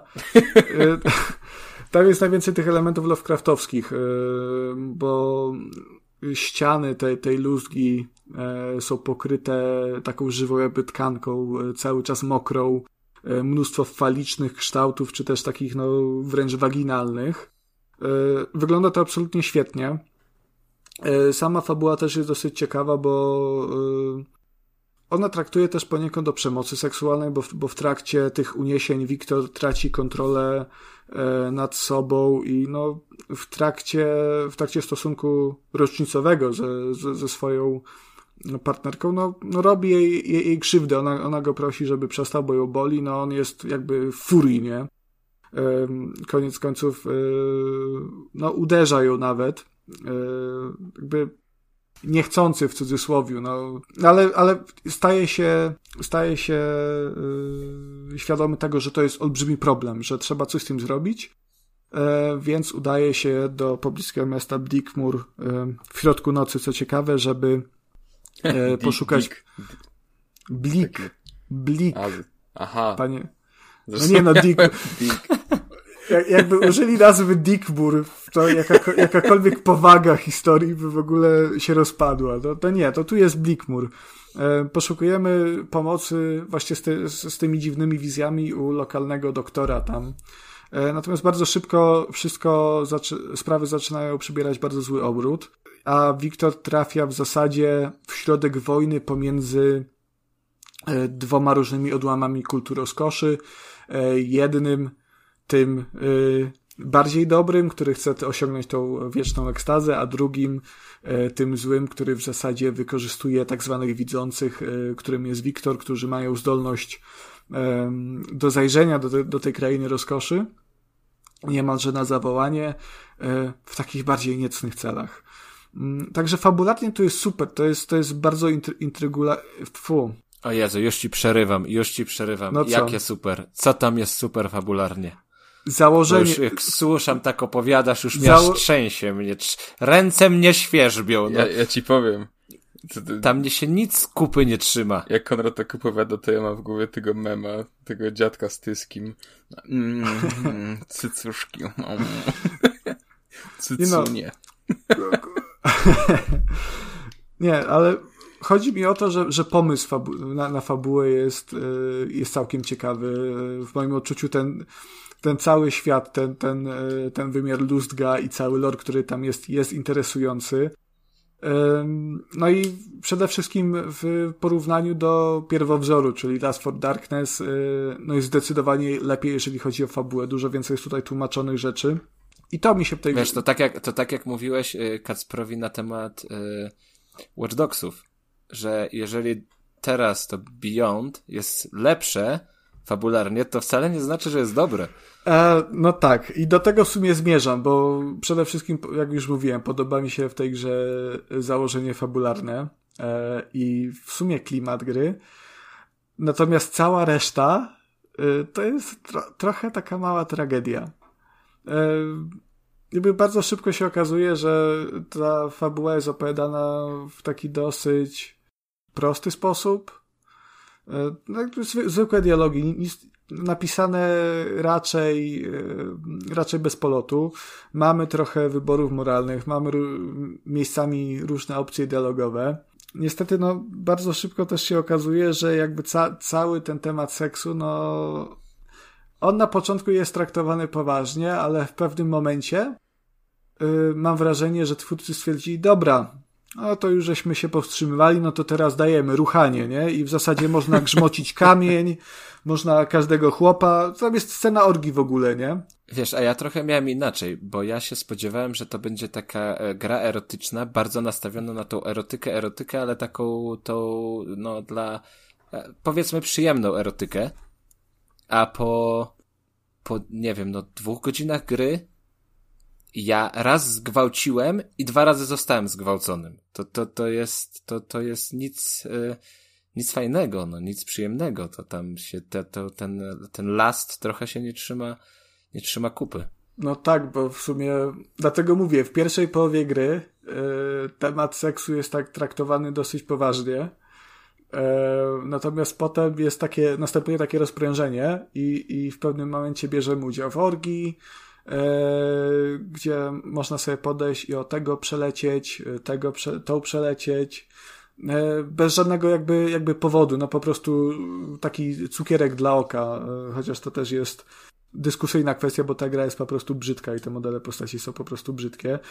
Natomiast ciekawostka jest fakt, że każda, każdy stosunek w tej grze jest interaktywny. Yy, i wszystko opiera się na prostej minigierce, w której musimy w odpowiednim momencie kliknąć przycisk akcji yy, i w zależności od tego, jak nam dobrze będzie szło, no to będziemy postępować w stosunku i będziemy tam pompować szybciej, prawda? A jak zawalimy, no to, to ja zwolnię teraz. Jakby to nie ma Czy żadnego to, to, sensu. To brzmi jakby twórcy tak mieli jakiś tam pomysł, ale nie do końca wiedzieli jak go spełnić i stwierdzili, dobra, no to oprzemy grę na ruchaniu i się sprzeda. Ja, ja właśnie mam takie wrażenie, bo mam, mam od, odczucie, że twórcy nie do końca wiedzieli, co oni chcą z tą grą zrobić, albo że w połowie developmentu e, zmienił się kompletnie zespół i zmieniły się kompletnie priorytety, bo autentycznie po drugiej połowie możesz naprawdę wyruchać kamień. I nie żartuję.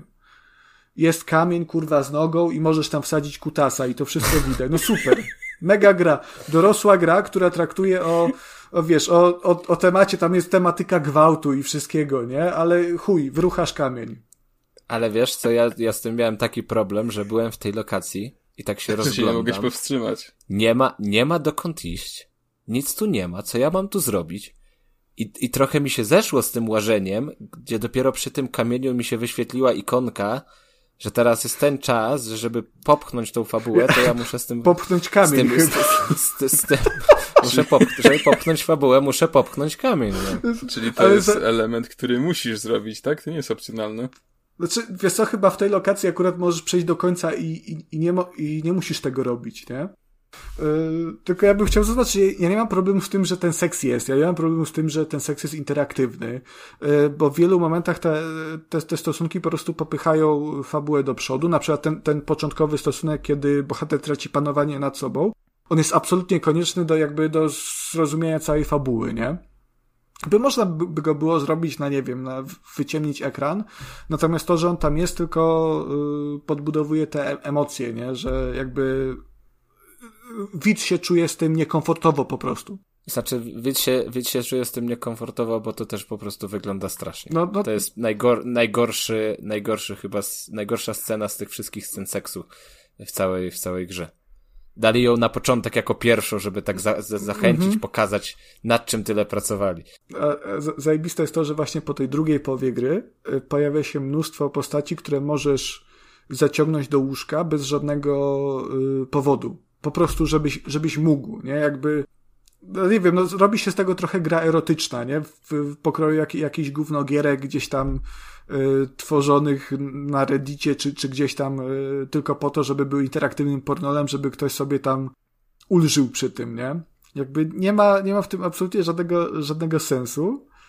I no jasne, ja, jak tak jak tak opowiadacie, ja mam taki kłopot z, z tą grą, że to mi się bardzo rozjeżdża, bo z jednej strony y, tak sobie myślałem, że no fa fajnie, bo powstaje gra, która traktuje temat seksu y, i te, też tematy gwałtu bardzo poważnie, e, i to będzie taki troszeczkę powiew świeżości, a, ale z drugiej strony z tego co mówicie to w praniu wypada, że, że to jest właśnie gra w stylu właśnie no, Pietrka Kogucika, tak? I, i Morenki i Ruchania i tak kurczę, no tr trochę, trochę nie wiem nie, nie wiem do końca do czego dążyli twórcy, bo mówię, z jednej strony... Wydaje mi się, że to był po prostu czysty marketing yy, i trochę, wiesz, no to jest wypełnienie pewnej niszy, natomiast no, to jest robienie tego na najniższym możliwym, yy, po, po linii najmniejszego oporu, nie? No, po prostu wrzucić yy, ryuchy, anije, i no, odbiorcy się znajdą. Zresztą jak, jak patrzyłem na komentarze gdzieś tam na gry online... No my czy... mamy, ob, ob, obaj mamy, tak? No, Odbiorca się znalazł. Ale wiesz, mi się podobało, że y, jakby to też nie jest taka typowa gra erotyczna, nie? To nie jest tam, że idziesz, nie? I tu ci o, y, przyrodnia siostro, nie? Albo przyrodnia matko. Odkryłaś w pralce. Tak, y, to, to nie jest to, nie? Tylko to jest w zasadzie no nagle się pojawia straszny potwór, Albo cię gwałci chłop po prostu. nie? To, ja, w sensie ja wiem, że to, to nie jest śmieszne i ten temat jest poważny, ale to po prostu brzmi tak absurdalnie, jakby to Bo, bo to jest absurdalne. Że... No ja, ja, mówię, mój ulubiony przykład. Ruchasz kurwa kamień. Z autentycznie kamień z nogą. I jakby... Konradem nogą. ja, ja, czy, ja czytałem... Ja, ja czytałem komentarze, Siadło. komentarze Siadło. na golu do tej gry i tam się pojawi, powia, powiadały, ko, po, pojawiały komentarze typu, no już się nie mogę doczekać, taka pikantna tutaj tego, erotyka. Wiesz, ja tak siedzę, tak, kurwa, to jest gra, to jest gra, która wygląda jak erotyczna wersja Cthulhu. Co tu jest, kurwa, podniecającego w tym, nie? A jednak. No ja miałem taki trochę dy, dy, dysonans, bo tam wiesz, no tyle o tej rozkoszy, tyle o tym pożądaniu i tak dalej. No z, z jednej świecie... strony obrzydliwe, ale dygnął, nie, Kuba?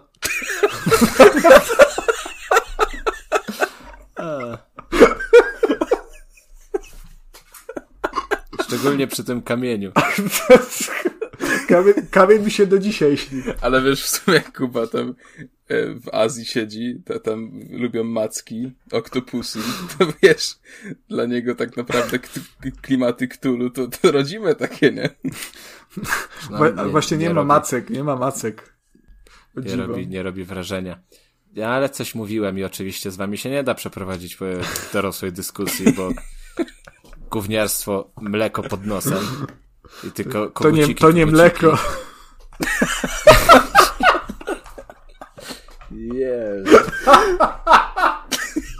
Ale nam się rozkręcił. Właśnie zeszliśmy poziomem kurwa żartów do, do, do tego, co zrobili twórcy tego Last Frontier. Ja, I to dokładnie to samo. Miało być poważnie, ale w drugiej zaczęliśmy, połowie... Zaczęliśmy poważnie, a teraz są takie kurwa gimnazjalne żarty po prostu. I oni też tam siedzieli w studiu i jak już robili drugą część gry, to już tam po prostu był tylko śmiech i... Pana by tutaj możesz kamień wyruchać. Oj, dobra, ale wróćmy może troszkę na, na właściwe tory i zejdźmy z tematu no, tego no, wracam. seksu. Wracam, wracam do tego, co chciałem powiedzieć, że tam się tyle mówi o tej rozkoszy, o tym pożądaniu, ale w tym świecie nie ma nic takiego, co, co by jakoś cię na, naprowadzało na tą rozkosz, na to pożądanie. Tam, tam nie ma nic przyjemnego. Wiesz co, wydaje mi się, że to jest trochę taki komentarz yy, yy, do tej całej sytuacji, do jakby zatracenia się człowieka w własnej seksualności, w dążeniu do Mm, rozkoszy. I ja tutaj teraz daję duży kredyt zaufania twórcom, że o to chodziło, nie? Bo cały, jakby w wielu tego typu y, historiach, w której jest jakiś kult, który y, dąży tam do osiągnięcia jakiejś tam umiejętności ze, swojej, ze swoim Bogiem, y, jest to zaprezentowane tak, że w ich umysłach może się wydawać, że to jest y, coś niesamowitego, że wspaniałe i że to jest radość, natomiast jak, jak patrzysz na to z zewnątrz, no to nie wiem, gość rękę ucina, nie? A, a się cieszy o zajebiście i, i mój, mój, mój Bożek się cieszy. I wydaje mi się, że ta, ta rozkosz tutaj jest właśnie w ten, w ten sposób e, potraktowana, że to jest bardzo złudne uczucie, że oni e, jasne przeżywają orgazmy, doznają tej rozkoszy cielesnej w trakcie różnorakich orgii, które w sumie w te, według historii odbywają się cyklicznie, nie? Natomiast już, już cały ten wymiar, kiedy tam trafiasz, on jakby nie ma z tym nic, nic wspólnego. Zresztą no bo to jest obcy wymiar, nie? Jakby tam inne kompletnie byty go zamieszkują, więc ta rozkosz dla nich jest czymś zupełnie innym niż rozumieją to ludzie, nie? I stąd jest ten dysonans. Także ak akurat to mi się trzyma kupy, nie? To, to wpada w ten sens. Dlatego mówię, że ta fabuła jest całkiem interesująca, bo tu, jeżeli spojrzysz yy, trochę dalej niż za to ruchanie kamienia, które jest śmieszne po prostu, no to tam faktycznie można znaleźć jak, jakieś tam znaki, że twórcy mieli ambicje, żeby coś stworzyć yy, ciekawego, po prostu yy, wykonanie jest słabe. I niestety to wykonanie jest słabe nie tylko pod względem implementacji tego seksu w grze, ale pod absolutnie każdym innym względem. Y, mechanika, mechanicznie ta gra po prostu jest taka, no w porywach jest przeciętna, nie? Y, chyba nie, nie ma tam nic, nic takiego, co by było jednoznacznie dobre, dobre. Może, może te elementy y, bardziej typowe dla symulatora chodzenia, gdzie przemierzamy te, te korytarze, rozwiązujemy jakieś proste zagadki. E, natomiast już absolutnie każdy inny element jest y, fatalny, bo mamy na przykład sekcje strzelankowe. Y, sekcje strzelankowe to jest po prostu coś tragicznego. No to strzelanie jest złe. Mamy ale, sekcję... ale mi się teraz taki głupi, głupi żart mi się pojawił w głowie. Da, dawaj, no, jedziesz. No tak o tym strzelaniu, nie? Tak wiesz. No ślepakami nie strzelamy na szczęście. Wiesz co, powiem ci, że nawet by mnie to nie zdziwiło, tak naprawdę już po tych wszystkich opowieściach o tej grze. Halo, halo, bo mój internet chyba nie wytrzymał stężenia tych żartów. Słuchajcie. Aż, aż mnie rozłączyło, czyli już jestem, tak? Tak, tak, już jesteś. Wy, wypadłem tam z czegoś ciekawego, jakiejś ciekawej nie, dyskusji? Nie, mówiłem, że, że implementacja czegokolwiek w tej grze i mechanicznie ta, ta gra po prostu leży, w tym strzelanie leży. E, Strzelanie, skradanie, uciekanie. Tak, tak właśnie, właśnie do tego dążę, bo jakby przez pierwszą połowę ta gra też jest trochę skradanką i twórcy ci tłumaczą, musisz się skradać, musisz unikać przeciwników, bo oni cię y, zabiją, y, zgwałcą w jakiejkolwiek kolejności, prawda? Niejednokrotnie. E, Cześć, co? No. O jest. Tak, tam się, tak, tam się takie rzeczy dzieją, że... Te... Yy, tak, no przez na przykład yy, sporą część gry yy, goni cię wielki grubas w stroju Sadomaso z urwaną nogą, którą cię okłada. Taki dyskomfort, im dłużej o tym rozmawiamy. No, y, tam wiesz, tam, od, tam odwiedzasz lokacje, w których y, są po prostu, wiesz, nadzy ludzie płci obojga, E, gdzieś w klatkach, na jakichś takich e, w sumie średniowiecznych narzędziach tortur, nie? Po prostu. Czyli to są takie jakby staroświeckie BDSM? No trochę tak, no jest takie bardzo... Co to jest w ogóle? Kto to jakaś... kurwa stworzył? Jest, wiesz, to jakby to... Ma sens w kontekście historii, no bo to jest jakiś dziwny kult w ogóle strasznie brutalny, nie? Który, który takie, takie rzeczy robi. E, no jest to niepokojące, ale wiesz, wszystko co tam się dzieje poza, poza tym, poza warstwą wizualną i ewentualnie fabularną, to jest tragedia, no. E, strzelanie, tak jak mówiłem, to jest masakra. Skradanie nie ma większego sensu, bo w zasadzie obok każdego możesz uciec. E, przepraszam, przebiec. Wymachiwanie mieczykiem to jest no, mieczykiem, no takim scyzorykiem, no to, to, to też tak średnio, no bo jakby dziabniesz gościa, on się nawet nie, nie zająknie, po prostu ci przyłoży tą nogą, nie? E, w wymiarze Lustga masz też możliwość czarowania, jako że jesteś widzącym. I to też jest podobnie jak seks oparte na e, QTE, w którym musisz w odpowiednim momencie nacisnąć przycisk. E, I teraz dochodzimy do ciekawostki w ogóle, bo nie wiem jak Kuba, ja, gra, ja zaczynałem grać w Last From Beyond na padzie. E, nie, u mnie to standardzik. Normalnie gram jak człowiek. No, a ja jak zwierzątko na, na padzie chciałem pograć i co się okazało? Ta gra jest ledwie grywalna przy użyciu kontrolera, e, bo mimo, że Last Beyond pady wspiera i ma wszystkie przyciski narysowane, co, co użyć i, i jako tako działa, e, no to okazuje się, że w przypadku QTE, QTE, mimo że wciśniesz przycisk, dobry przycisk w odpowiednim momencie, to gra stwierdzi, że nie, i jakby ona nie zalicza ci tego, że to jest, yy, że zawaliłeś QT, tylko jakby akceptuje, że ok, zaliczyłeś ten moment, natomiast nie puszcza cię dalej, musisz to QT robić jeszcze raz. Podobnie ma się sprawa z właśnie wymachi, wymachiwaniem jakimś tam scyzorykiem, bo gra czasami stwierdza, że ona nie zarejestruje ataku i albo zrobi to z, z opóźnieniem. I coś mnie tknęło w pewnym momencie, żeby spróbować pograć na klawiaturze i myszce i nagle jak ręką odjął. QT za każdym razem wychodziło, bo to też nie są trudne QT, tam masz... Ale, ale nie miałeś czasami tak, że jak ci się trafiło ta, ta, ten moment na wciśnięcie przycisku i on był od razu po tym, jak się tak, odpalało, to, to było do dupy. To, to, to było mhm. pudło, bo po prostu jak tak. nie było kolejnego okrążenia, tak? To jak przeminęło, no to nieudane. Wiesz, ale to, to, to, to był mój najmniejszy problem, bo nawet jak ja w odpowiednim momencie wcisnąłem, nie? To musiałem powtarzać 15 czasami razy, żeby gra załapała, że sekwencję wykonałem, bo tam trzeba czasami trzy razy pod rząd y, to zaliczyć, mhm. nie? I momentami autentycznie puszczałem sobie z telefonu podcast i siedziałem i kurwa klik, robiłem te QT, bo z nadzieją, że może teraz zaliczy. A w przypadku klawiatury... Oczywiście, oczywiście trójka podcast. Wszystko od, od początku do końca przesłuchałem jeszcze raz. Ale jak przy, przy użyciu klawiatury i myszy nagle wszystko wychodziło yy, za pierwszym razem. No i pozostaje jeszcze yy, kwestia grafiki. Ach, wisienka na torcie, to po prostu. Jaka ta gra jest kurwa brzydka.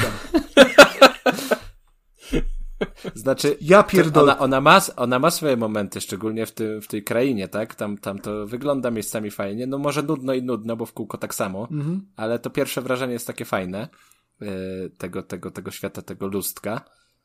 Ale zrobić, mieć pomysł na grę opartą o erotykę i takie modele postaci wyprodukować, to trzeba być po prostu tak pewnym siebie, że, że zazdroszczę takiej pewności. To jest, wiesz, to jest, to jest ciul, że te modele postaci wyglądają plastikowo, że wyglądają źle, nie? Okej, okay, jeszcze jestem w stanie to zaakceptować, bo one same w sobie wyglądają akceptowalnie.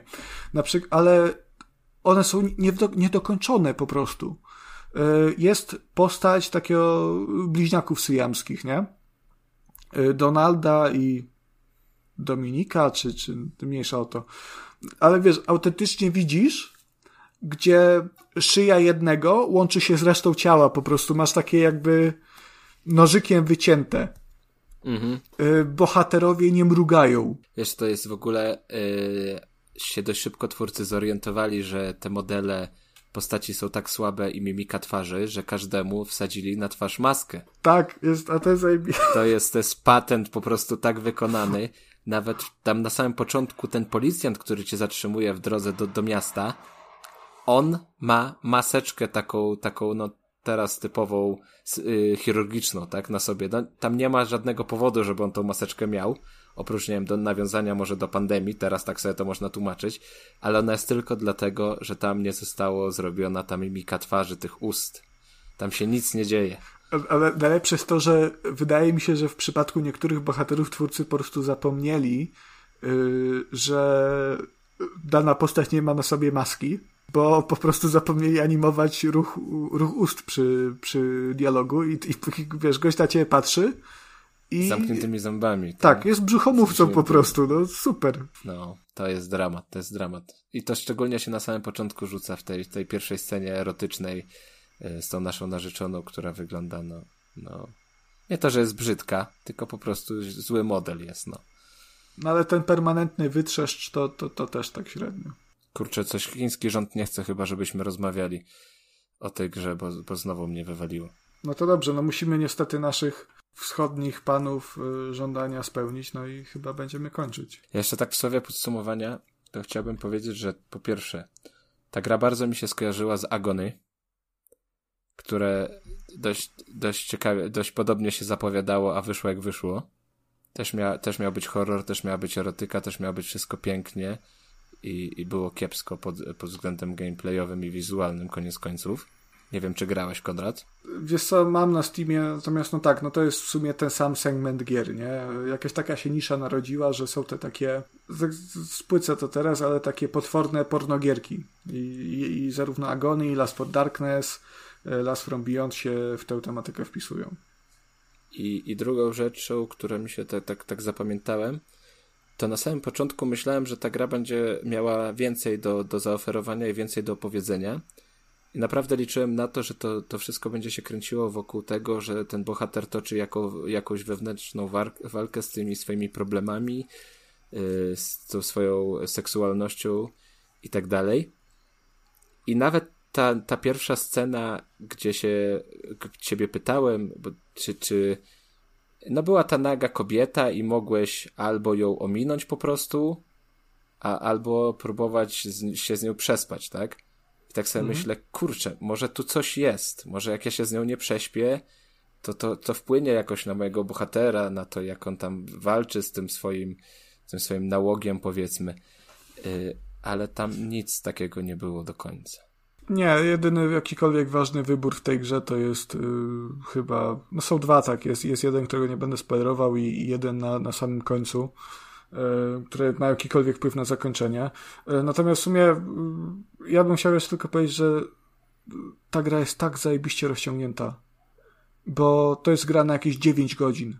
I to jest wciul za dużo, jak na tego typu grę jedynka się zamykała w śmiesznej w sumie długości jakieś godziny, półtorej godziny, ale do, i mam wrażenie, że przy Last, Last From Beyond twórcy przejęli w drugą stronę i stworzyli z tego, z tej produkcji rozciągniętego potwora.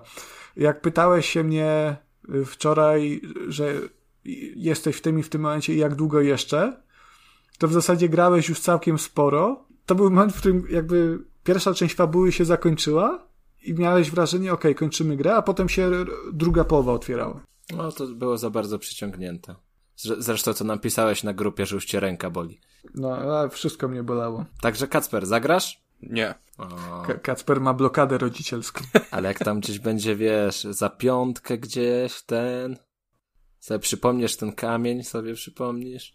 Może Kacper nie graj, bo potem pójdziesz na spacer, zobaczysz yy, kam kamień na ulicy i ojej, Kamień z Konradem nogą. Mm. Mm. To teraz by się przy, przydało coś, coś przyjemnego, jakoś przyjemnie zakończyć ten odcinek. Więc, więc może czas na, czas na pozdrowienia. Tak. Um, od y, poprzedniego epizodu e, zyskaliśmy chyba największego do tej pory fana o pseudonimie Tomori, e, który komentuje nam wszystkie filmy na YouTubie i wszystkie tweety, e, nie tylko podcastowe, ale i nasze prywatne. To jest bardzo miłe oczywiście, bo tak, one tak, mają tak, pozy tak. pozytywny wydźwięk. Tak, tak to, to, to, nie, to nie, jest naczelny To nie są brzydkie rzeczy. To jest fan. E, I, I Tomori prosił o, o pozdrowienia w, pod ostatnim odcinkiem, stąd bardzo serdecznie chciałem Tomoriego pozdrowić bądź dalej taki, jaki jesteś, bo, bo nie powiem, że, że twoje pozytywne nastawienie do tego wszystkiego e, bawi, ale w pozytywnym tego słowa znaczeniu e, i poprawia często humor, e, także oglądaj nas dalej i, i, i bądź dalej z nami, bo, bo, bo jest wesoło. Także mówię jeszcze raz serdecznie pozdrawiam i, i dziękuję za, za takie liczne komentarze, udostępnienia i to wszystko. Ja, ja przyznaję order y, uśmiechu i honorowego fana. No dobrze, to już chyba wszystko na dzisiejszy odcinek. E, za mikrofonami jeszcze raz byli Konrad Noga. Dzięki za uwagę, cześć. Kuba Smolak. Uff, ciężko dzisiaj było, ale jesteśmy. Dotrwaliśmy do końca. Dzięki. I ja, czyli Kacper Cembrowski, również bardzo wam dziękuję i do usłyszenia już, już może przy troszeczkę normalniejszych grach niż Last From Beyond. Trzymajcie się. Ara, ara, sayonara.